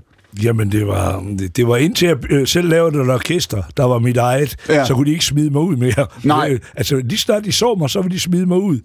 Det var, og øh, sådan var det alle steder. Jeg, hvis jeg gik igennem 12, når jeg var ude at flyve, med det samme, de så mig, hey, der skal jeg undersøge, når politiet stopper nogen. Det er derfor, jeg har ren straffeattest, fordi at jeg tør simpelthen ikke lave noget. Jeg bliver altid mistænkt. Jeg synes, uh, en ting med kunst, der ikke er fair, Ja. er, at inde i kunstnerverdenen er der også masser af snopperier og nogle ligesom hylder, man bliver lagt på, og mm. uh, nogle genre, der er finere end andre, og nogle genre, der får mere penge end andre i Danmark for eksempel, mm. uh, og, og masser af snopperi omkring det. Jeg går og laver country music, som mm. jeg har kæmpet for i mange år, at, at få det blå stempel, og det synes jeg ikke er fair, fordi jeg synes, der skal være plads til det hele, og man skal kunne se kvaliteten i alle genrerne, i stedet for bare at lukke af, og igen sige ja, og så høre efter, og så lave en mening om det, før man siger det, ikke? Karoline Lyngby, kan man, du talte du i, i sidste slutning af time 1, fortalte om David Lynch, ikke? hvordan du opdager David Lynch, du siger Blue Velvet, da du er, er 14 år gammel, og det taler til dig. På det tidspunkt, der tænker du ikke, det her det er super god smag, vel? Eller hvad?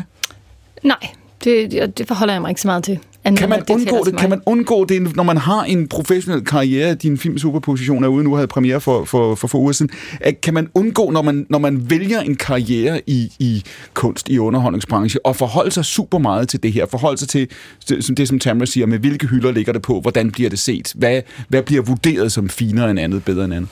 Altså, det kan man nok ikke. Altså, øh, jeg vil sige, mit eget personlige... øh, Altså, det, det er ikke en udfordring, jeg synes, jeg har så meget mm. øh, omkring smag, men du har da fuldstændig ret. Der er jo noget, der er god smag, og noget, der ikke er god smag, og det er jo, øh, det er jo selvfølgelig et problem, og samtidig øh, er der jo også nogle ting, der, der har en kvalitet, en større kunstnerisk kvalitet, nogen, der har noget, der har en, en anden kvalitet, der er en måske mere folkelig kvalitet, og det er jo ikke nødvendigvis det samme. Altså, øh, men selvfølgelig, jeg er nødt til også at forholde mig til på et eller andet tidspunkt, om ikke andet til, hvad ser, hvad, hvad kan sælge, hvad, hvad vil folk se, og man kan sige, at dengang øh, Lynch lavede film, det gør han jo stadig, men, men, men der, hvor han øh, startede sin karriere, og de mm. følgende to årtier måske, og nu nævnte jeg også Polanski og sådan noget før, øh, Roman Polanski og sådan noget, der kunne, øh, der kunne den type film jo være kæmpe store kommersielle succeser. Mm. Det kan de jo ikke i dag. Altså, nu er det sådan, enten er det enormt kommercielt, eller også så er det meget småt mm. øh, ofte. Ikke? Og det synes jeg er jo personligt et kæmpe problem, og er meget ærgerligt, øh, at det er sådan, det, det er nu. Ikke? Og så, så man er jo nødt til ligesom at finde ud af, hvordan navigerer man nogle, nogle mere kunstneriske film i et biografmarked, som det er, og streamingmarked. Lukas, vi lever jo i, i, i en tid nu, hvor man kan sige, at der er, der er sket også de sidste 20 år, den her altså kolossal fragmentering. Ikke? Mm. Altså, der er ikke, øh, der er, er få store tv-programmer tilbage, der er mm. få store film, der er få store fælles referencepunkter. Det er virkelig, vi har talt om det længe, men nu er det blevet virkeligheden altså fragmenteret i mm. den her grad, hvor det, i den her grad, hvor det er. Øhm, kan man, når man er dig, kan man lukke for, hvad de andre tænker? Kan man lukke for, hvad, hvad, hvad der bliver tænkt i systemet? Eller, eller bliver man fanget? Vi talte også om, om det i time 1, det der med, øh, skal man have den smag, som de andre har? Kan man, kan man bevare sin individualisme i det her, eller er man nødt til at sige, gud, jeg skal have noget at lave, der skal være nogen, der ringer til mig. Hvad synes de andre? Nogle gange. Nogle, Altså, gange, nogle det- gange kan man bare være øh, sin egen integritet, og andre gange så er det jo også bare en strøm af kulturer, der vælter frem hele Mm. tiden. Jo, ikke? Øh, så man er også bliver nødt til at hoppe med på jo, øh, fordi man kan jo ikke bare øh, køre sit eget fuldstændig altid. Tænker du på dig selv, som er med på vognen nu? Er du indenfor? Det er, hold kæft, det er med svært at svare på. Det, øh, det, det er ikke noget, jeg kan mærke. Altså, sådan, jeg har været heldig at få lov til at lave øh, et par fede projekter, øh, og jeg håber da, at jeg får lov til at gøre det igen. Altså, øh, nogle andre fede ting. Men det er jo ikke fordi, at man er, øh, så er man inde i varmen, eller så er man ude i varmen, eller så er man, eller sådan. Du, så, tænker, sådan ikke, du, det ikke. du tænker ikke på dig selv, når du vågner om morgenen, jeg er med. Men jeg tænker i hvert fald heller ikke på mig selv som værende ikke med. Altså, det, jeg tænker sgu ret lidt over det. Karoline, hvad dig? Hvordan har du, hvordan, hvordan har du det? Tænker du på dig selv, når du vågner om morgenen? Tænker du, jeg, har, jeg er med, jeg er, jeg er ombord. Jeg er en del af det. Altså, jeg er altid bange for at ikke at være med lige i morgen. Ikke? Mm. Altså, øh, så nej, det gør jeg ikke, fordi at, øh, at man skal jo altså kan man sige, stable hvert eneste projekt på benene. Ikke? Enten mm. selv, nu skriver jeg selv, så er det ligesom en, en proces der. Ikke? Men mm. jeg kan også nu er i gang med en tv-serie nu, og det er så en anden proces, men stadigvæk. Man er jo altid nervøs for, at der ikke er nogen, der ringer øh, efter den her, fordi at eller andet, eller at man ikke får det næste projekt igennem, og sådan, så, så nej, bestemt ikke. Jakob, var der et tidspunkt i din karriere, hvor du tænkte, nu, nu det lykkedes på en eller anden måde? Ja, det. Øh, da jeg udgiver min første plade, men den så sælger 85, så når så er man lidt tilbage igen. Og jeg tror, de første fem LP'er, jeg lavede, solgte 1000 til sammen. Mm. Så det, det var jo et ekstremt gå på mod, jeg havde. Men altså, dengang var der jo noget at gå oprør imod. Problemet i dag er, at der er ingenting. Altså LOC er vel den sidste, der, hvor man siger, nej, nu kan det fandme være nok, der er, der er øh, yoghurt, og så er der LOC, og så resten af tiden. Så problemet er nu, hvis man skal være med et sted, hvor fanden er det henne? Mm. Altså Andreas Oddbjerg og, og Rahim, det er jo sådan nogle mandlige Rakel Rastenier. Altså, det er jo nogle mandlige uh, Katie Bøtker, uh, dejlige popmusik og sådan noget. Så der er det jo... Uh, men, men ellers, det er svært at være med nogle steder. Fordi at, øh, da jeg udgiver min første plade, der er det virkelig, øh, hold kæft, det er en, øh, øh, altså for eksempel bare optræde nøgen, eller mm. øh, lave, eller det er der intet i i dag. Der er ingen øh, vitaminer i det, det er, og det er tilbage ved basis. Altså for Karolines vedkommende, hun skal stå med det rigtige produkt på det rigtige tidspunkt, det rigtige sted. Mm. Det er beskrivelsen af et hit. Du siger, det er svært, det er svært at gøre oprør nu. Ja, har du set, altså er det 100.000 numre i timen, der bliver uploadet på Spotify, men mm. prøv at være øh, Tamra og mig, der lever af at skrive mm. sange, men det er virkelig svært. Det er, der, det er svært at provokere. Ja, det er det. Det er næsten umuligt.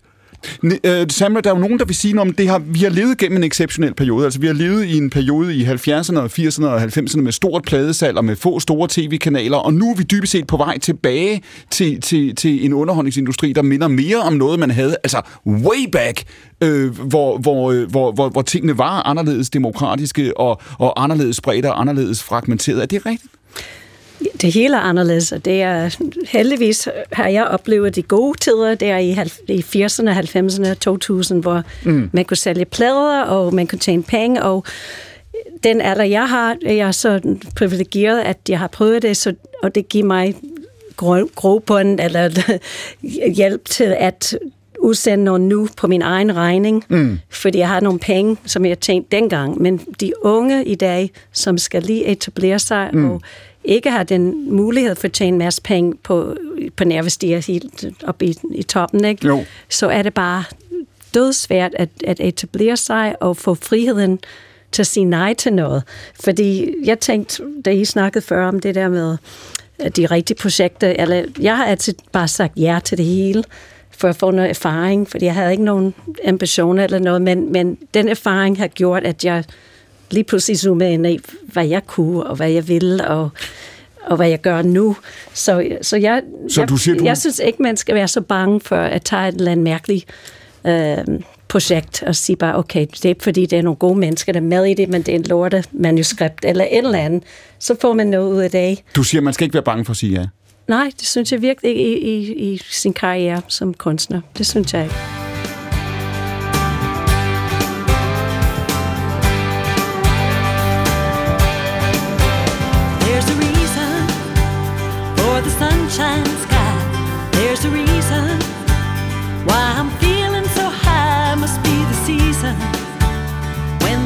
Those love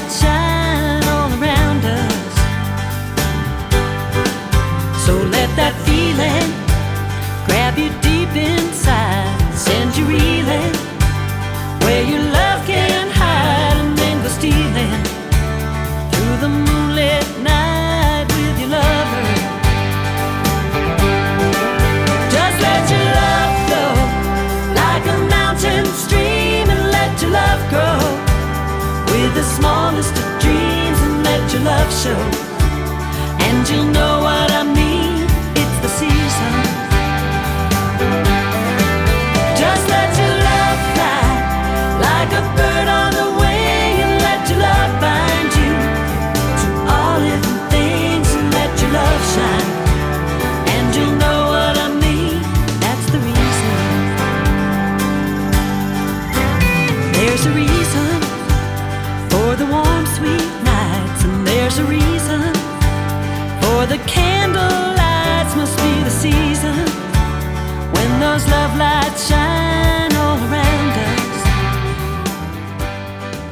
Karoline, superposition. Hvorfra kom ideen til den historie, der jo handler om et par, som er hvor i deres tilværelse?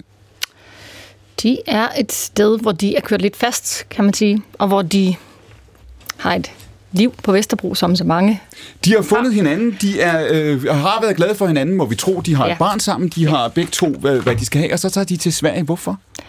Det gør de, fordi de synes, de er stressede og øh, ikke nærværende og har alt for meget øh, om ørerne og presser sig selv og er presset af samfundet. Så de prøver ligesom at se, om de kan flytte off the grid og sige stop med alt. Øh, med internet og alting, og ligesom at, om det kan gøre dem øh, lykkelige. Der er noget i deres, i deres parforhold, der ikke er, som det gerne skulle være. Ja, Der er noget i deres arbejdsliv, der ikke er, som det gerne skulle være. yes. Og når de kommer til Sverige, hvad er så forestillingen? Hvad forestiller de sig? Hvor længe er det, de vil være der, da de De vil være der et år, og de vil lave en podcast, mens de er der, øh, fra øh, deres liv off the grid, og ligesom at sende afsted på sådan en helt primitiv måde, hvor de vil sende nogle, en lille USB-nøgle afsted, øh, og hvor de så dokumenterer deres liv off the grid. Og så vil de jo, så prøver de, øh, hvordan er det, og øh, slippe for alt det ydre pres og indre pres, de ligesom føler fordi, tilværelsen i byen. fordi grunden til deres problemer må være noget, der kommer udefra, ikke? Jo, lige præcis. Det er sådan, de oplever det. Vi sidder her i en svensk skov, fordi vi har trukket stikket. Projektet er så at se, om vi kan klare os udenom civilisationen. Om vi kan finde en ny måde at være sammen på som familie, som par. Vi er så seje. Hvem kender vi ellers, der to gør det her? Hvad håber du på, vi finder herude? Jeg håber på at finde dig. Hinanden. Vi har virkelig trukket tæppet væk under os selv ved at gøre det her. Ja, der lurer et eller andet i de, øh, i de svenske skove her, øh, Karoline. De siger undervejs, hører vi dem sige, de kender ikke nogen, der vil gøre det her. Der er mange, der taler om det. Har du haft den her tanke og tænkt, man skulle tage til Sverige og gå off-grid? Jeg har ikke præcis haft tanken om at skulle til Sverige gå off-grid, men jeg har mange gange tænkt på, om jeg skulle flytte ud af København, eller om... Jeg har ikke seriøst tænkt på, om jeg skulle lave noget andet, men jeg har tænkt og tænkt og tænkt, om der var en eller anden måde at komme til at leve lidt mindre stresset på. Det har jeg tænkt rigtig meget over. Det, du beskriver nu, er jo noget, som er typisk, man kan sige, for den, for den generation, som du tilhører, men i virkeligheden også både for nogen, der er yngre, og for nogen, der er, er, er ældre. Altså, har du en oplevelse af, bare inden for din egen øh, levetid her, inden for de sidste 10 år, at det her det er blevet værre? Altså, at der er flere indtryk, at der er mere overskud, og der, er, øh, der er kommet en anden kompleksitet i vores tilværelse? Det har jeg 100% en oplevelse af, at der inden for min levetid, og inden for mm. ganske kort tid faktisk, er, at det virkelig er strammet til på alle mulige måder. Altså, sociale medier er selvfølgelig et parameter, som jeg ikke havde, da jeg voksede op i min barndom, og som helt sikkert øger presset, men jeg mm. oplever også, at samfundet strammer øh, skruen på alle mulige måder. Jeg ved, at dagpengesatser bliver sat ned og beskåret og alle mulige steder, og vi skal have vores unge hurtigere igennem øh, uddannelsessystemet osv., og jeg oplever, at kravene er så høje, at der jo er virkelig, er det 40 procent eller sådan noget, der har en eller anden form for stressrelateret Og når du, lidelse, ikke? Når du siger, at det er inden for en relativt kort periode, så taler du, så taler du i virkeligheden altså inden for en overskuelig årrække også, hvor du siger, at Ja. du mener, det er blevet værre. Mm. Er det rigtigt, Jacob Havgård? Lever vi i en tid nu, hvor der er et større pres, eller, eller er det fordi, vi er blevet anderledes? Hvad tror du, der har forandret sig? Ja, vi er, øh, det, er ikke, det er ikke givet, at man skal gå på arbejde, for eksempel. Altså, da jeg starter på det her sammenslutningen af bevidste arbejdsskylde, men min far, han flejner helt ud. Han forstår, hvad fanden er meningen med det Ja. her, ikke? Og i dag er det jo en helt almindelig ting at sige, at man ikke vil arbejde. Jeg mødte en unge Svend her den anden dag. Han havde fået fat i en million kroner ved noget hussalg og sådan noget. Og så, han var vel 30, så regnede han med, at hvis han, han havde noget CBS-forstand og sådan noget, så inden han var 50, så han lavet penge nok til, at han kunne pensionere sig selv. Mm. Og så, han havde taget øh, øh, magten over sit eget liv. Men, øh, men jeg føler da ikke, det er for forskelligt fra dengang. Ja, da, da vi var, da Tammer og mig var hippier, der hed det på dansk, at du melder dig ud af samfundet. Ja. Og der boede jeg der fire måneder i Tunis, nord for Karthago. Ikke? Og der opdagede jeg, at det var altså ikke udefra, det kom. Ikke? Og det var et eller andet med mig selv. Ja, se, men nu rammer du, nu bygger du så broen, Jacob, fordi det er, Nå, jo det, okay. Det er jo det, Karoline, de opdager i virkeligheden, uden at forære hele filmen væk. Ikke? De finder ud af, da de så er ude i den svenske skov, at det bliver Ja. ikke... Nej, altså de er jo som, altså, de, de har det jo med, som du nævner, og, og pege på en masse ydre elementer. Altså både det samfund, øh, de lever i, men også hinanden i Mm. virkeligheden, som værende roden til problemet med deres liv. Ikke? Og den her idé om, vi hører dem også tale om det i klippet her, den her idé om, at de vil gerne finde, altså de vil finde sig selv, men de vil virkelig finde hinanden også, ikke? Mm. Er det, er det også noget, der, der gælder den tid, vi lever i, at vi har nogle meget høje forventninger til, hvad, hvad vi skal kunne i et parforhold? Det tror jeg bestemt, det er. Altså, og det er jo et ekstremt pres at ligge på et forhold, at man gerne vil, øh, eller at, at, at der ikke er andet, der skal holde en sammen, end bare, at man har lyst til at være sammen. Mm. Øh, og, øh, og, og halvdelen bliver jo skilt igen, når de er blevet gift, så, så det, og det giver jo god mening, at det er sådan, det er. Så jeg tror, det er også det, der er i filmen. De, de kæmper jo, de vil gerne, Mm. men vil de indgå de kompromiser, det i virkeligheden kræver? Øh, det er jo så spørgsmålet, om de vil det. Så du siger også, at fordi det her det er et, et, et samfund, hvor vi øh, for så vidt kan være alene, og vi kan for så vidt skifte øh, så ofte vi har lyst til det. Altså, altså øh, valgmulighederne bliver ved med at stå åbne, siger du. Så, så bliver det, så sætter nogle, det stiller nogle andre krav til parforholdet, når det er der. Bestemt. Det er jo det. Valgmulighederne er jo åbne hele vejen rundt. Ikke? Altså, så det er jo enormt svært. Det er jo også det, de oplever, at de har så mange valg til at gøre alt hele tiden. Så det er svært at være tilfreds med noget.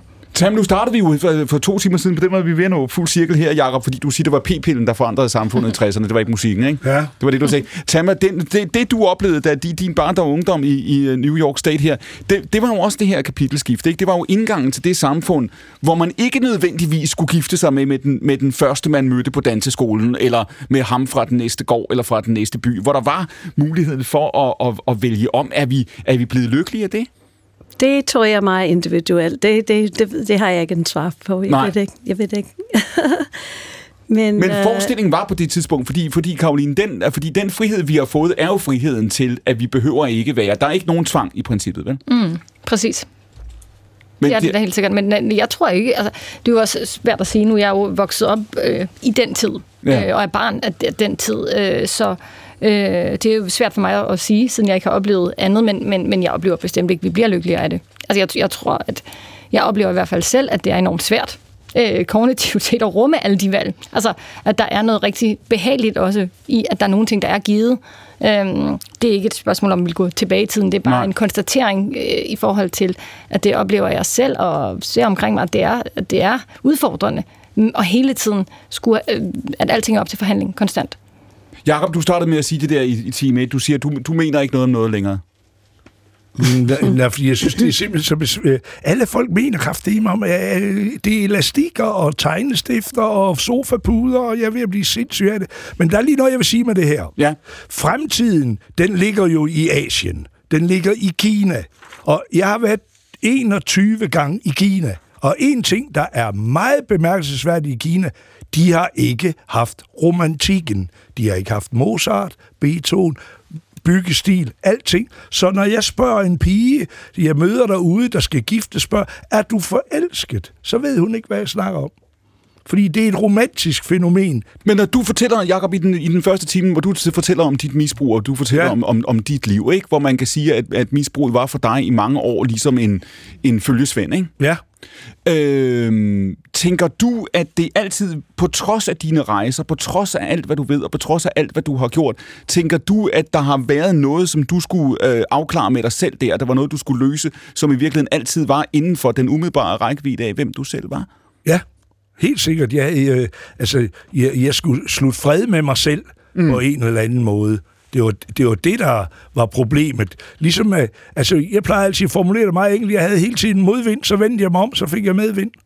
Så jeg smed det hele frem, og så fik jeg medvind lige pludselig. Men det er jo dybt religiøst. Det har man skulle da vidst i flere hundrede år. Og samtidig, når du... Når du øh, hvad, er, hvad er bølgen i dag, hvis vi nu tager Thomas hjemland? Jamen, vi vil gerne have en, en stærk leder. Mm. Øh, måske en lidt skør en. Donald Trump, ikke? Og i Kina elsker de Xi Jinping. Øh, i, i, hvis øh, Putin, han skulle vælge... Øh, han blev da genvalgt i Rusland. Tamla, nu siger, nu siger Jacob det her med, med den stærke mand, også den udvikling, der, der, der foregår i, øh, i, i USA. Det er noget, du har beskæftiget dig med. Har du svært ved, når du er i USA i dag, har du svært ved at genkende, genkende USA, som du husker?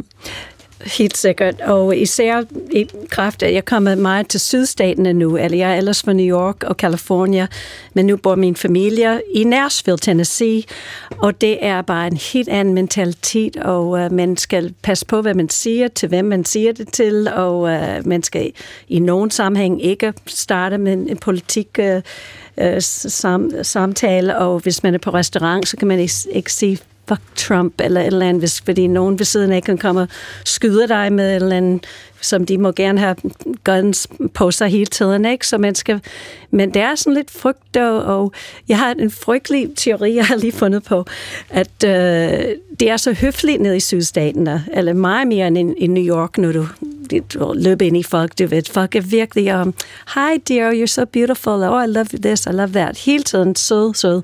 Og jeg tror, det er på grund af måske det der guns, at de ved, at de skal bare opføre sig ordentligt over for hinanden.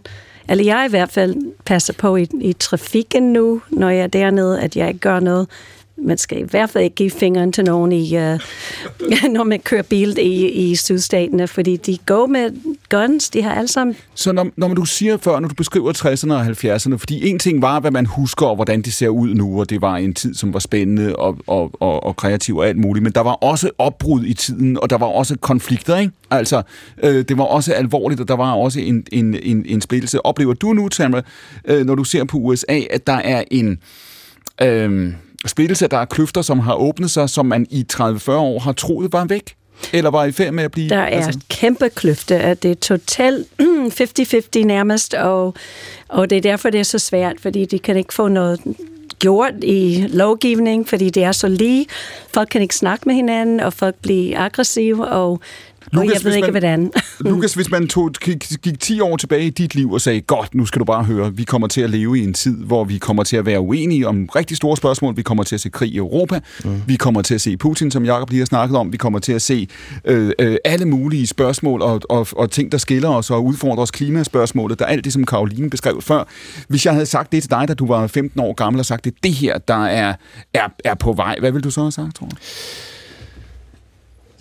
Altså, jeg vil sgu da nok blive overrasket, det tror jeg da. Altså, at det er ligesom... Hvilket billede havde du af fremtiden, da du var, da du var teenager? Jamen, sgu da en håbefuld øh, fremtid, som de, de fleste teenager har. Eller nu, nu ved jeg ikke, dem der, øh, dem, der er teenager nu, om det hele bare er død ødelæggelse, og vi ved, at klimaforandringerne smadrer os alle sammen. Mm.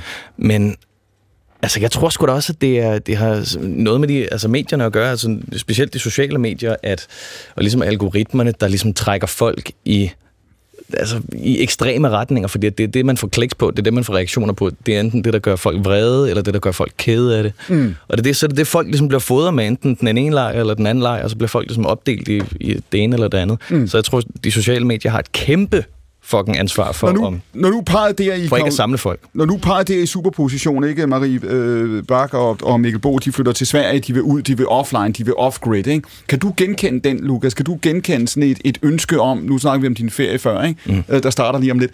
Øh, kan, du, kan du genkende det der ønske om at gå offline? Kæmpe meget. Ja. Kæmpe meget. Og øh, rigtig meget for folk i min generation specifikt. Folk, som ikke har, har haft en barndom med sociale medier, men sidenhen ligesom er blevet slugt af dem. Ikke? Mm. Øh, jeg, jeg tror, mange af os har virkelig en fornemmelse af, at sådan, hold, altså en gang imellem, hold kæft, mand. Jeg kan ikke rumme det her. Der, der er for meget. Det, der, der, der sker for mange forskellige ting. Fordi det er fint at arbejde hårdt, mm. hvis det er én ting, man ligesom arbejder med, men når, man, altså, når der er så mange forskellige ting, så kan det stresse helvedes til. Så jeg har da også haft lange snakke omkring, at at, at, altså, og fantaseret omkring, hvordan det kunne være fedt at øh, købe en gård eller andet sted, eller flytte ud i en skov, eller øh, gøre alle de der ting tage ud og vandre eller gøre et eller andet sådan. Det gør jeg så dog ikke. Det, det er et lille afbræk, men altså... Karoline, hvad vil du sige til dem, der siger, at det her det er også... Fordi man kan sige, at din film problematiserer det jo det her. Den giver ikke nogen uh, simple svar, som vi var inde på før, så det er ikke nødvendigvis sådan, at lykken venter ved den svenske skovsø. Ikke? Det viser sig at være lidt, uh, lidt anderledes. Mm. Der er jo nogen, der vil sige, når man, når man det, som uh, din generation oplever nu, det er ganske enkelt det at blive voksen. Det er, nu melder alvoren sig, og ja, det kan godt være, at det ser meget voldsomt ud øh, øh, lige nu, og det gør det så i nogle perioder, men det er ganske enkelt, fordi der er problemer, der skal løses, og, og, og vi, vi, vi, får ikke nogen, vi får ikke nogen fri billet. Så det handler ikke om, at problemerne sådan set er større, eller de sociale medier. Det handler om, at der er nogle generationer her, der har troet, at de havde, som man sagde i 90'erne, en ferie fra historien, holiday from history, men alvoren er tilbage. Det tror jeg er helt rigtigt. Altså, jeg tror da, at der er mange af os, der har brugt rigtig, rigtig lang tid på at blive voksne, og øh, er vokset op uden at være nødt til at... Øh, øh, at, at øh, vokse op i en tid, hvor det ikke var svært at få et job. Mm. Vokse op i en tid, hvor det ikke, altså, hvor, hvor man kunne få et sted at bo og sådan noget. Øh, og lige så stille, som vi så blevet ældre, så, så er der nogle ting, der ændrer sig. Øhm, Så når du kan sige det der med, at man så ikke, når man så ind i fremtiden for 10 år siden, så så man ikke øh, øh, den alvor, vi synes, vi oplever nu, ikke? Nej, præcis. Altså, jeg, altså, jeg tror, det har rigtig meget at gøre med forventninger. Jeg, altså, jeg tror, det også er en ting i, i min, og måske også øh, Lukas' generation, det der med, at vi, vi er forventet på nogle måder med, at vi, at vi har forventet os noget andet, simpelthen. Ikke? Så jeg tror, det handler om forventninger på i høj grad, at vi havde forventet, at vores liv, vores liv skulle blive super fedt, tingene skulle falde i hak. Hvorfor ikke? Altså, de ting, vi gerne ville have, dem fik vi da sikkert. Hvorfor skulle vi ikke få dem? Mm. Og så opdager man jo selvfølgelig, det er da helt klart en del af det, at øh, når man bliver voksen, så er det jo ikke sådan. Altså, øh, det er jo ikke en, en vi er vokset op med romantiske film. Altså, Når du ser tilbage, Jacob, på, på, på, på 80'erne og 90'erne, og måske også faktisk 0'erne i dag, ser du så en periode, hvor vi på en eller anden måde, altså i, i, i, altså i flere generationer over en længere periode, bildte os ind, at verden var bedre og mere uskyldig, end den har vist sig at være? Ja, for fanden, vi nedlagde hele militæret. Det er jo der, vi skal til at finde penge igen nu. Altså, det, der kommer til at ske i, i, i fremtiden, altså, det er helt sikkert øh, ren darwinisme. Dem, der ikke kan tåle forurening, stress, næbet i plovfugeren og alt det der, der er bare enormt træls ved tilværelsen. Hvis de ikke kan finde ud af det, så dør de sgu. Så enkelt er det. Fordi at, øh, og, øh, altså, ja, det, det, det, hvad for noget? Folk dør stress, de dør, de dør allerede. Ja, ja, men, men, men det, så vil du udvikle en race, der ligesom... Den stærker. ja, det er i hvert fald det, jeg selv lever af, at, jeg, at jeg, jeg står alt for højt i tændingen, som min far han sagde. Jeg har alt for meget fart på, så som 70-årig, der har jeg bare et almindeligt energiniveau, som om jeg var 25. Mm. Så, så jeg lever jo fint med det, og jeg kunne slet ikke forestille mig, at jeg ville få stress eller i, i den stil der, men, men folk, de falder af pinden i, i hobetal, og det er, det er ren darwinisme. Det, det er jo Og det, du vi har siger, udviklet. at, og er der, er der en forbindelse, Jacob? Altså, er det, er det også fordi, at vi har bildet os ind, og ikke bare i en kort periode, men også over altså en længere periode faktisk, altså på flere årtier, at, at vi på en eller anden måde havde ladt de store problemer og de store konflikter i fortiden, og derfor, derfor er vi uforberedt på dem, når de melder sig igen. Vi har arbejdet på højtryk på, at vi skulle slappe af, og vi skulle på charterferie, og vi skulle lave så lidt som muligt, og vi har aldrig arbejdet så meget. Vi har aldrig brugt så meget, øh, hvis vi taler miljø. Vi har aldrig brugt så meget råolie. Vi har aldrig fløjet så meget. Og det hele det er stik modsat, når jeg kører herover, når jeg skal parkere ved, her ved øh, Danmarks Radio herude, mand. Alle, jeg troede, at alle på Danmarks Radio var miljøbevidste. Så Man kan kraftigt ikke at finde en parkeringsplads. Der er flere tusind parkeringspladser her. De er altså alle sammen i bil, selvom øh, nærbanen, den kører lige ovenover. Altså, det, det, det hele det, og det er skruet op, og øh, jeg, jeg bor jo i Nordsjælland i mange år. Mm. Og jeg kommer hjem til min kone og siger, ved du hvad, jeg har så meget tur i den, siger jeg til min kone. Ved du hvad, nu giver jeg den gas i to år, så betaler jeg huset helt ned. Jeg betaler det hele helt ned, og skal vi bare gå og klø os bag i resten af tiden. Så lyder det lige tørt ved, ja, det koster jo 12.000 om måneden kun i ejendomsskatter at bo lige ned til Øresund. Nå, og, og det var derfor, jeg solgte huset og opdagede, at jeg kunne få dobbelt så meget for det, som så tjente jeg lige 3 millioner gratis. Så du siger, du siger dybest set også, der er en afkobling mellem, altså vi, vi har et billede af, hvordan vi gerne vil leve. Vi bliver ved med at bilde os selv ind, at tingene kan være på en anden måde, vil blive på en anden måde, og, og virkeligheden fortæller en helt anden historie. kristendom og stalinisme vil få en enorm revival, fordi at alt det her miljøsnak kan kun lade sig gøre, hvis du sæler en ildrager op i røven på folk og siger, det er den her vej, mand. Jamen, jeg vil den anden vej, det er den vej, marker, ikke? Og, og så alt det her med ikke at spise oksekød, og sådan noget. jamen det ved mormoner og alle sådan nogle stærkt religiøse folk, de ved alt om, at du ikke må spise frisk brød, og jeg ved ikke hvad, og jøderne, du må ikke få fisk om tirsdagen, eller hvad helvede det er. Så du siger, det kommer ikke, det kommer ikke, der kommer ikke til at være nogen ombygning af samfundet af frivillighedens vej. Nej, og samtidig så ved jeg jo om nogen, at jeg troede, jeg var fri, når jeg drak. Mm. Og det var det, der fangede mig. Det samme går folk nu og gør en masse ting, der vil ind, gøre det endnu mere besværligt at leve, og endnu mere besværligt at leve, i stedet for ligesom at sætte sig som en spritter på en bænk. Så vil du virkelig... De eneste, der lever miljømæssigt rigtigt, er talibanere. De sidder kun og kigger ind i bålet. If you're down and who you're talking to. Concentration, slip away, because your baby is so far away.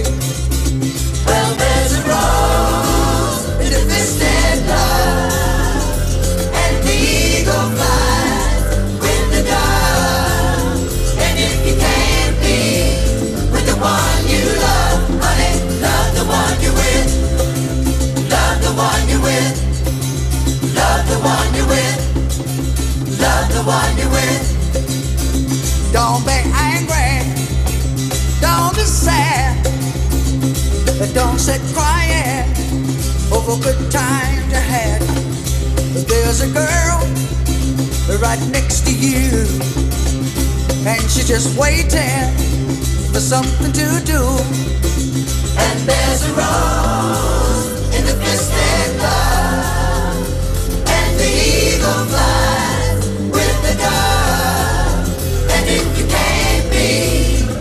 one you love, honey, love the one you're with. Love the one you're with. Tamara nævnte den i etteren her, Love the One You're With, Crosby, Stills and Nash. Uh, Tamara, du vil sige noget? Jeg vil sige, at et andet sang af Crosby, Stills Nash er en meget vigtig sang i, i forhold til, hvad vi snakker om nu med stress og alt det der. Det er den der, der hedder Teach Your Children, mm. som handler om, virk, eller det er der, hvor det hele startede, eller alt det her verden, der går amok nu, og med stress og for mange indtryk og alt det der. Um, hvis, hvis man kunne holde det til ligesom start in, in yourself, og starte med din familie, og bare prøve at styre det, um, så kunne det godt være, at det måske gik lidt nemmere. Men um, ja, Du det var bare tog- det, jeg vil sige. For et par år siden tog du jo til, øh, til, øh, til, til USA for at opsøge danskere, ikke? Eller folk, der øh, har været danskere, kan man sige, flere generationer tilbage. Divided Heart hed en af sangene, der kom ud af det. Hvor kom det projekt fra, Tamara? Men det var fordi, der i 2018 blev jeg dansk statsborger, og så blev jeg meget interesseret i um, at alle danskernes udflugt til USA i 1850 til 1920. Det var en ud af 10 danskere, der tog til USA. Mm. Og så sagde jeg, jeg må lige høre, hvad, hvad det handler om, alt det der. Så tog jeg til Iowa, til Elkhorn, det er der, hvor de spiser medisterpølser og æbleskiver til morgenmad. Og øh, de danske kolonier, hvor de snakker virkelig gammeldags dansk, ligesom. Men, men jeg fandt i arkiverne gamle sange og øh, historier, der fortalte om de her danske pionerers længsel for Danmark, og deres mm. splittelse, hvordan de elskede Danmark, men de skulle på et nyt liv, og, øh, og de blev simpelthen øh, Torn in, øh, i tog, ikke? Og, øh, og det var et fascinerende projekt at møde de mennesker, der var, øh, havde forfædre, der var kommet. Um, og så der en pionermuseum øh, ude på prærien, der fortæller hele danskernes historie, og det er meget fascinerende. Og jeg, jeg kom den anden vej til Danmark, så det var ligesom det, der satte ideen i gang til at lave det her projekt, det hedder Divided Heart. Hvad, hvordan, hvilken opfattelse har de mennesker, som du så møder, som jo så altså, kan man sige, er danske generationer tilbage, eller har den her forbindelse, hvilket billede har de af Danmark? Jeg tror, de har, ligesom min far, at de, ligesom, de, har, de har ikke fyldt med rigtigt, så de, de har alt de gode gamle Danmark, der eventyrlandet, og hvor alting er safe, og, og velfærdssystem virker godt, og alt, alle har penge nok, og jeg tror ikke, de ved virkeligheden, at, at Danmark også er i, i nogen, på nogen måde udfordret os. Um, så de har sådan en rosenrødt billede af det. Um, og de har, mange af dem har ikke været i Danmark uh, mm. ever. Eller, så, uh, men det var meget interessant, og uh, ja. Hvor stor en beslutning var det for dig, det der med at, at, at blive dansk statsborger? Det var en, en beslutning, der jeg har haft, i, eller en, en idé, jeg har haft i mange, mange år, og jeg har været med til lobby for, for det inde i indfødsretsudvalget på Christiansborg. Vi var fire amerikanere, der kom op med vores case stories og mm. fortalt, hvorfor vi vil være, være dobbelt statsborger. Fordi mm. um, jeg kunne have været, blevet dansker lige med det samme efter syv år, men jeg vil ikke opgive min amerikansk pas. Um, Hvorfor er det vigtigt for dig at holde fast på det også i dag? det er fordi, ja, dels praktisk, øh, fordi det er nemmere, eller for eksempel under corona, jeg kunne komme ind hurtigere end danskerne kunne. Men øhm, det er min identitet som amerikaner, jeg vil ikke bare smide ud. Og, men jeg har lige så stærk en identitet som dansker, og det er derfor, det var meget, meget vigtigt for mig, at jeg kunne stemme her i Danmark, og jeg kan virkelig føle, at jeg hører til 100 procent. og det gør jeg nu. Og, og samtidig med, så, men det har jo også været nogle år, hvor du på den ene side, kan man sige, har ragt ud til Danmark, eller du har fået det dobbelte statsborgerskab, som du beskriver nu, så besøger du danskerne i USA. Og samtidig oplever du også, Tamara, du har øh, jo fortalt om det, du har skrevet om det, øh, også et USA, som er i forandring, ikke? Helt sikkert. Altså, nu er det gået mange, mange år siden, jeg har boet der, men, øh, men det er en, en farlig retning, det går i nu, og, øh, og det gør mig ked af at sige nogle af de værdier, som øh, mine forældre har kæmpet for, for eksempel, at de smuler, og de er truet som abortloven og øh, gun, gun laws og alt muligt ting med, um, øh, hvad hedder det, um, dødsstraf nu, mm, man kan skyde folk nu, og det, det, det, jeg synes, det bliver mere og mere backwards og fundamentalistisk, øh, hvis vi ikke passer på. Vi skal lige passe på det der, øh, de konservative mennesker i højeste ret, for eksempel det her øh, flertal nu, det kan være meget, meget farligt. Nightmare and the American Dream, hvor kom den fra? Det kom fra de danske pionerers øh, udfordringer, da de kom over til The American Dream. De troede, de skulle have et nyt liv og penge, og, og majsen vil vokse to meter om dagen. Og, men da de kom over, de fandt ud af, at de har virkelig nogle øh, ting med kolera og tørker og um, havl og tornadoes og dust storms og alt det kunne ske, gå galt. Um, og sangen også var skrevet lige under Trump, og, og den sidste vers fortæller om, at vi skal ikke have uh, tyranni og diktator i USA, og vi skal keep the nightmare out of the American dream. What's that distant, almost holy light? Lit up crimson red in the night. Coming closer, reality. Prairie fire chasing after me, a nightmare in the American dream. Plowed my land for many a long day. Planted my crop in the old fashioned way. A hundred hungry buffalo came like thieves in the night. Saw my work was in vain with the morning light. A nightmare in the American dream.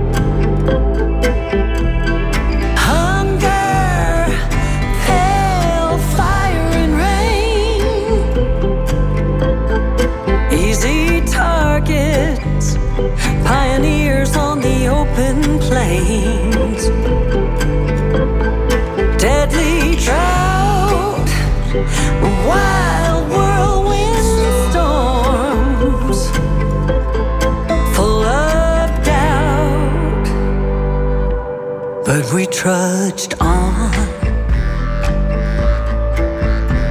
The brutal side of winter showed its mean, rugged face. Stopped us in our tracks, no mercy, no grace. The frost killed our crops, the insects did the same. There's no way to get ahead in this loser's game.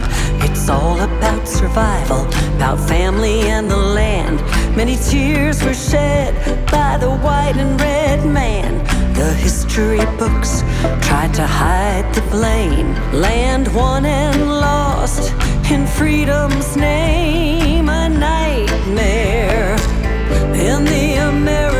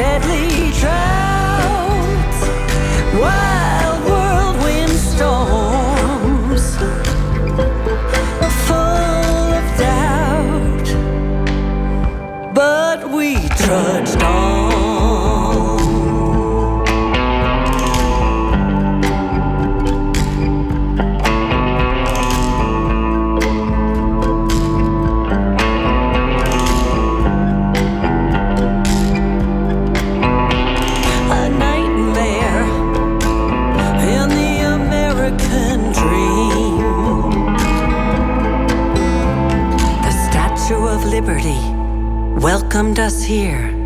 She promised to comfort us and calm our fears. No ruling kings welcome, no tyranny allowed. Integrity rules and makes us proud. Keep the nightmare. Nightmare in the American Dream her, Tamara Rosanes os fra de danske udvandrere, og så altså frem til i dag. Karoline Lyngby, Dark Horse, hvad handler den om?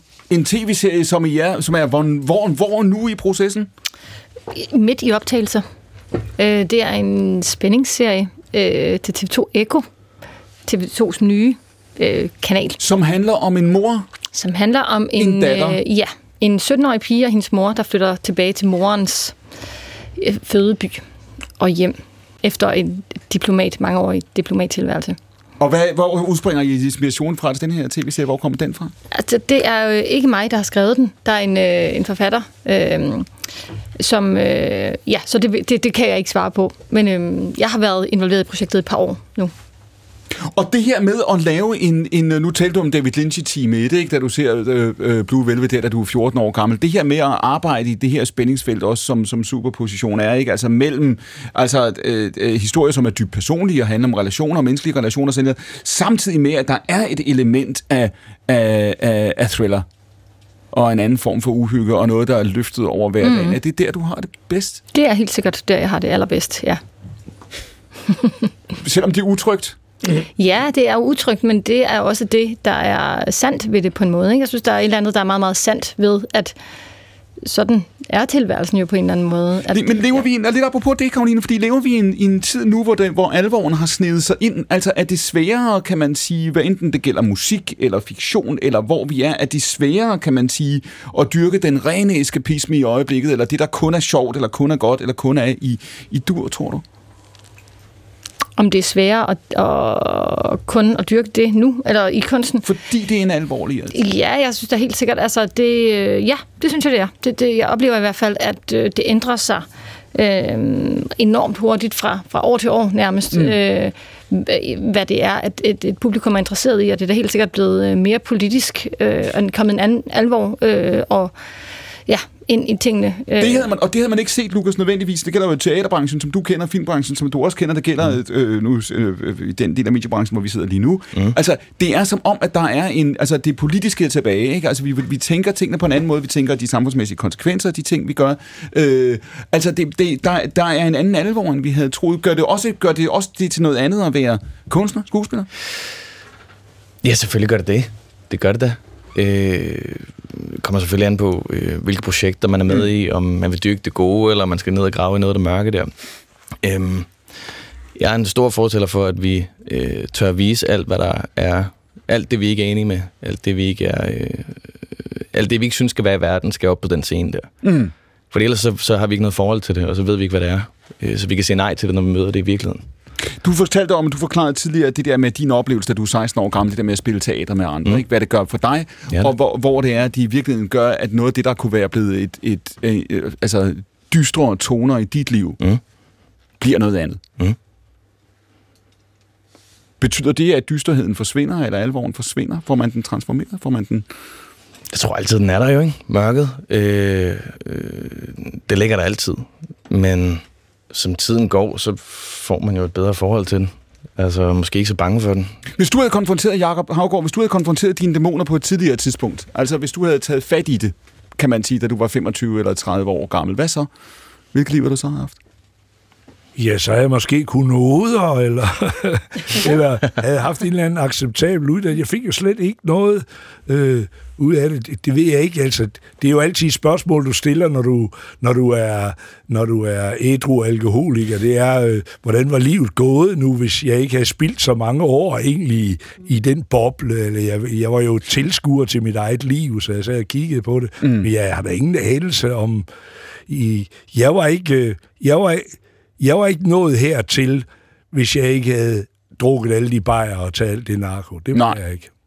Det, det, det, det var min redning, kunne du også sige. Men vil du, vil du gerne oprigtigt, som den du er nu, Jakob, som den du er, vil du gerne have haft et andet liv? Mm, jeg vil gerne have kunnet noder. Ja. Fordi jeg kan høre en melodi inde i hovedet, og det er skide irriterende, at jeg altid er nødt til at sidde og prøve at trampe mig igennem den foran mm. nogen, ikke? Men ellers så, ellers så fortryder jeg egentlig ikke noget. Jeg har aldrig drømt om, at jeg kunne blive en bedstefar med fortid, nutid og fremtid. øh, At jeg var en, de stolede på, og øh, jeg for eksempel er tit ude at spise på de fineste restauranter, fordi de inviterer mig altid med, fordi så er der en ædru til at køre hjem, ikke? Ja. Skytsenglen øh, har set efter mig. Tamra, har det forandret dig at, at, øh, at blive, jeg sagt, dansker med stor D, da du traf beslutningen? Det var... Er det lykkedes? Det er sjovt, fordi i virkeligheden, jo, jeg, nu kan jeg stemme øhm, i alle valg, valg men, øhm, men ellers det er en slags bevidsthed, og jeg har nogle gange sammenlignet det med at blive gift, eller du kan blive forelsket og have et dejligt forhold uden at blive gift, men nogen bliver gift, og så har de papir på det, og så er det ligesom en tryghed og en, en statement. Du har haft en lang forlovelse med Danmark, kan man Ja, sige det? og nu er jeg gift med Danmark, og jeg har papir på det, mm. og det er dejligt. Karoline, når du, vi taler om det her før med at, at, at blive en anden, og du taler om det der med, altså hvilke forandringer kan man påvirke i sit eget, i sit eget liv. Nu siger Jakob før det der med, at han, skulle, han kunne have dealet med sin egen, de, han kunne have dealet med sine egne dæmoner. Øh, kan vi det altid? Kan vi altid sige, når man i stedet for at tage til Sverige, og i stedet for at forandre vores tilværelse og flytte os, øh, så kan vi prøve at, at, at deal med det, der er lige ved siden af os og lige foran os. Kan vi det, tror du? Det tror jeg bestemt ikke altid, vi kan. Vi skal jo også lige opdage det først. Og så vil jeg, altså, selvom man så har opdaget det, så er det jo også virkelig, virkelig svært at gøre noget ved det. Ikke? det er jo, øh, karaktererne i filmen har jo en enorm sprog om det. De taler hele tiden om dem selv, og snakker og snakker om, hvad der er galt. Men de kan ikke finde ud af at gøre noget ved det. Så det tror jeg bestemt ikke. Det er det sværeste af det hele. Føler du dig som en del af en generation? Ja, altså, det er jo altid svært at se udefra, men, øh, men, men det gør jeg helt sikkert, ja. Er det blevet tydeligere for dig de senere år? På grund af tiden eller på grund af dig selv? Ja, ja. ja det, det tror jeg. Du ser nogle mønstre, du ikke havde set før? Ja. Hvis du skulle komme med et ønske, Karoline, på vegne af din generation, hvad skulle det så være? Jamen, så skulle det måske netop være et eller andet med at, at, at prøve at have lidt færre ambitioner. Øh, og være okay med ikke at være sådan super unik og helt genial hele vejen rundt, men at slappe lidt af. Lukas, du tilhører en generation, du er lige præcis gammel nok til at kunne huske, at der var lidt mere ro på, ikke? Før de Jo, jo. sociale medier. Jo, jo. og sådan noget. Jamen, det er jo sjovt, ligesom Karoline siger. Altså, vi er jo øh, af en generation, der blev lovet hele verden. Og så øh, en generation, der render rundt og er kronisk skuffet alle sammen. Ikke? Jo. Og at det ikke øh, helt øh, lykkedes, som vi ligesom øh, fik fortalt, at det ville. Og når man hvis skyld er det, når det må være min egen skyld. Så der er en hel masse dårlig selvværd omkring sådan, hvad fanden hvad er det egentlig, vi kan? Hvor jeg, jeg tror, at dem, der er yngre end os, har ligesom fået tudet, tudet ørerne fulde med, også op igennem deres barndom og teenageår, at at når man verden er fucked, og den er på vej et dårligt sted hen, så mm. I skal handle, altså. Du siger, de fik aldrig illusionerne.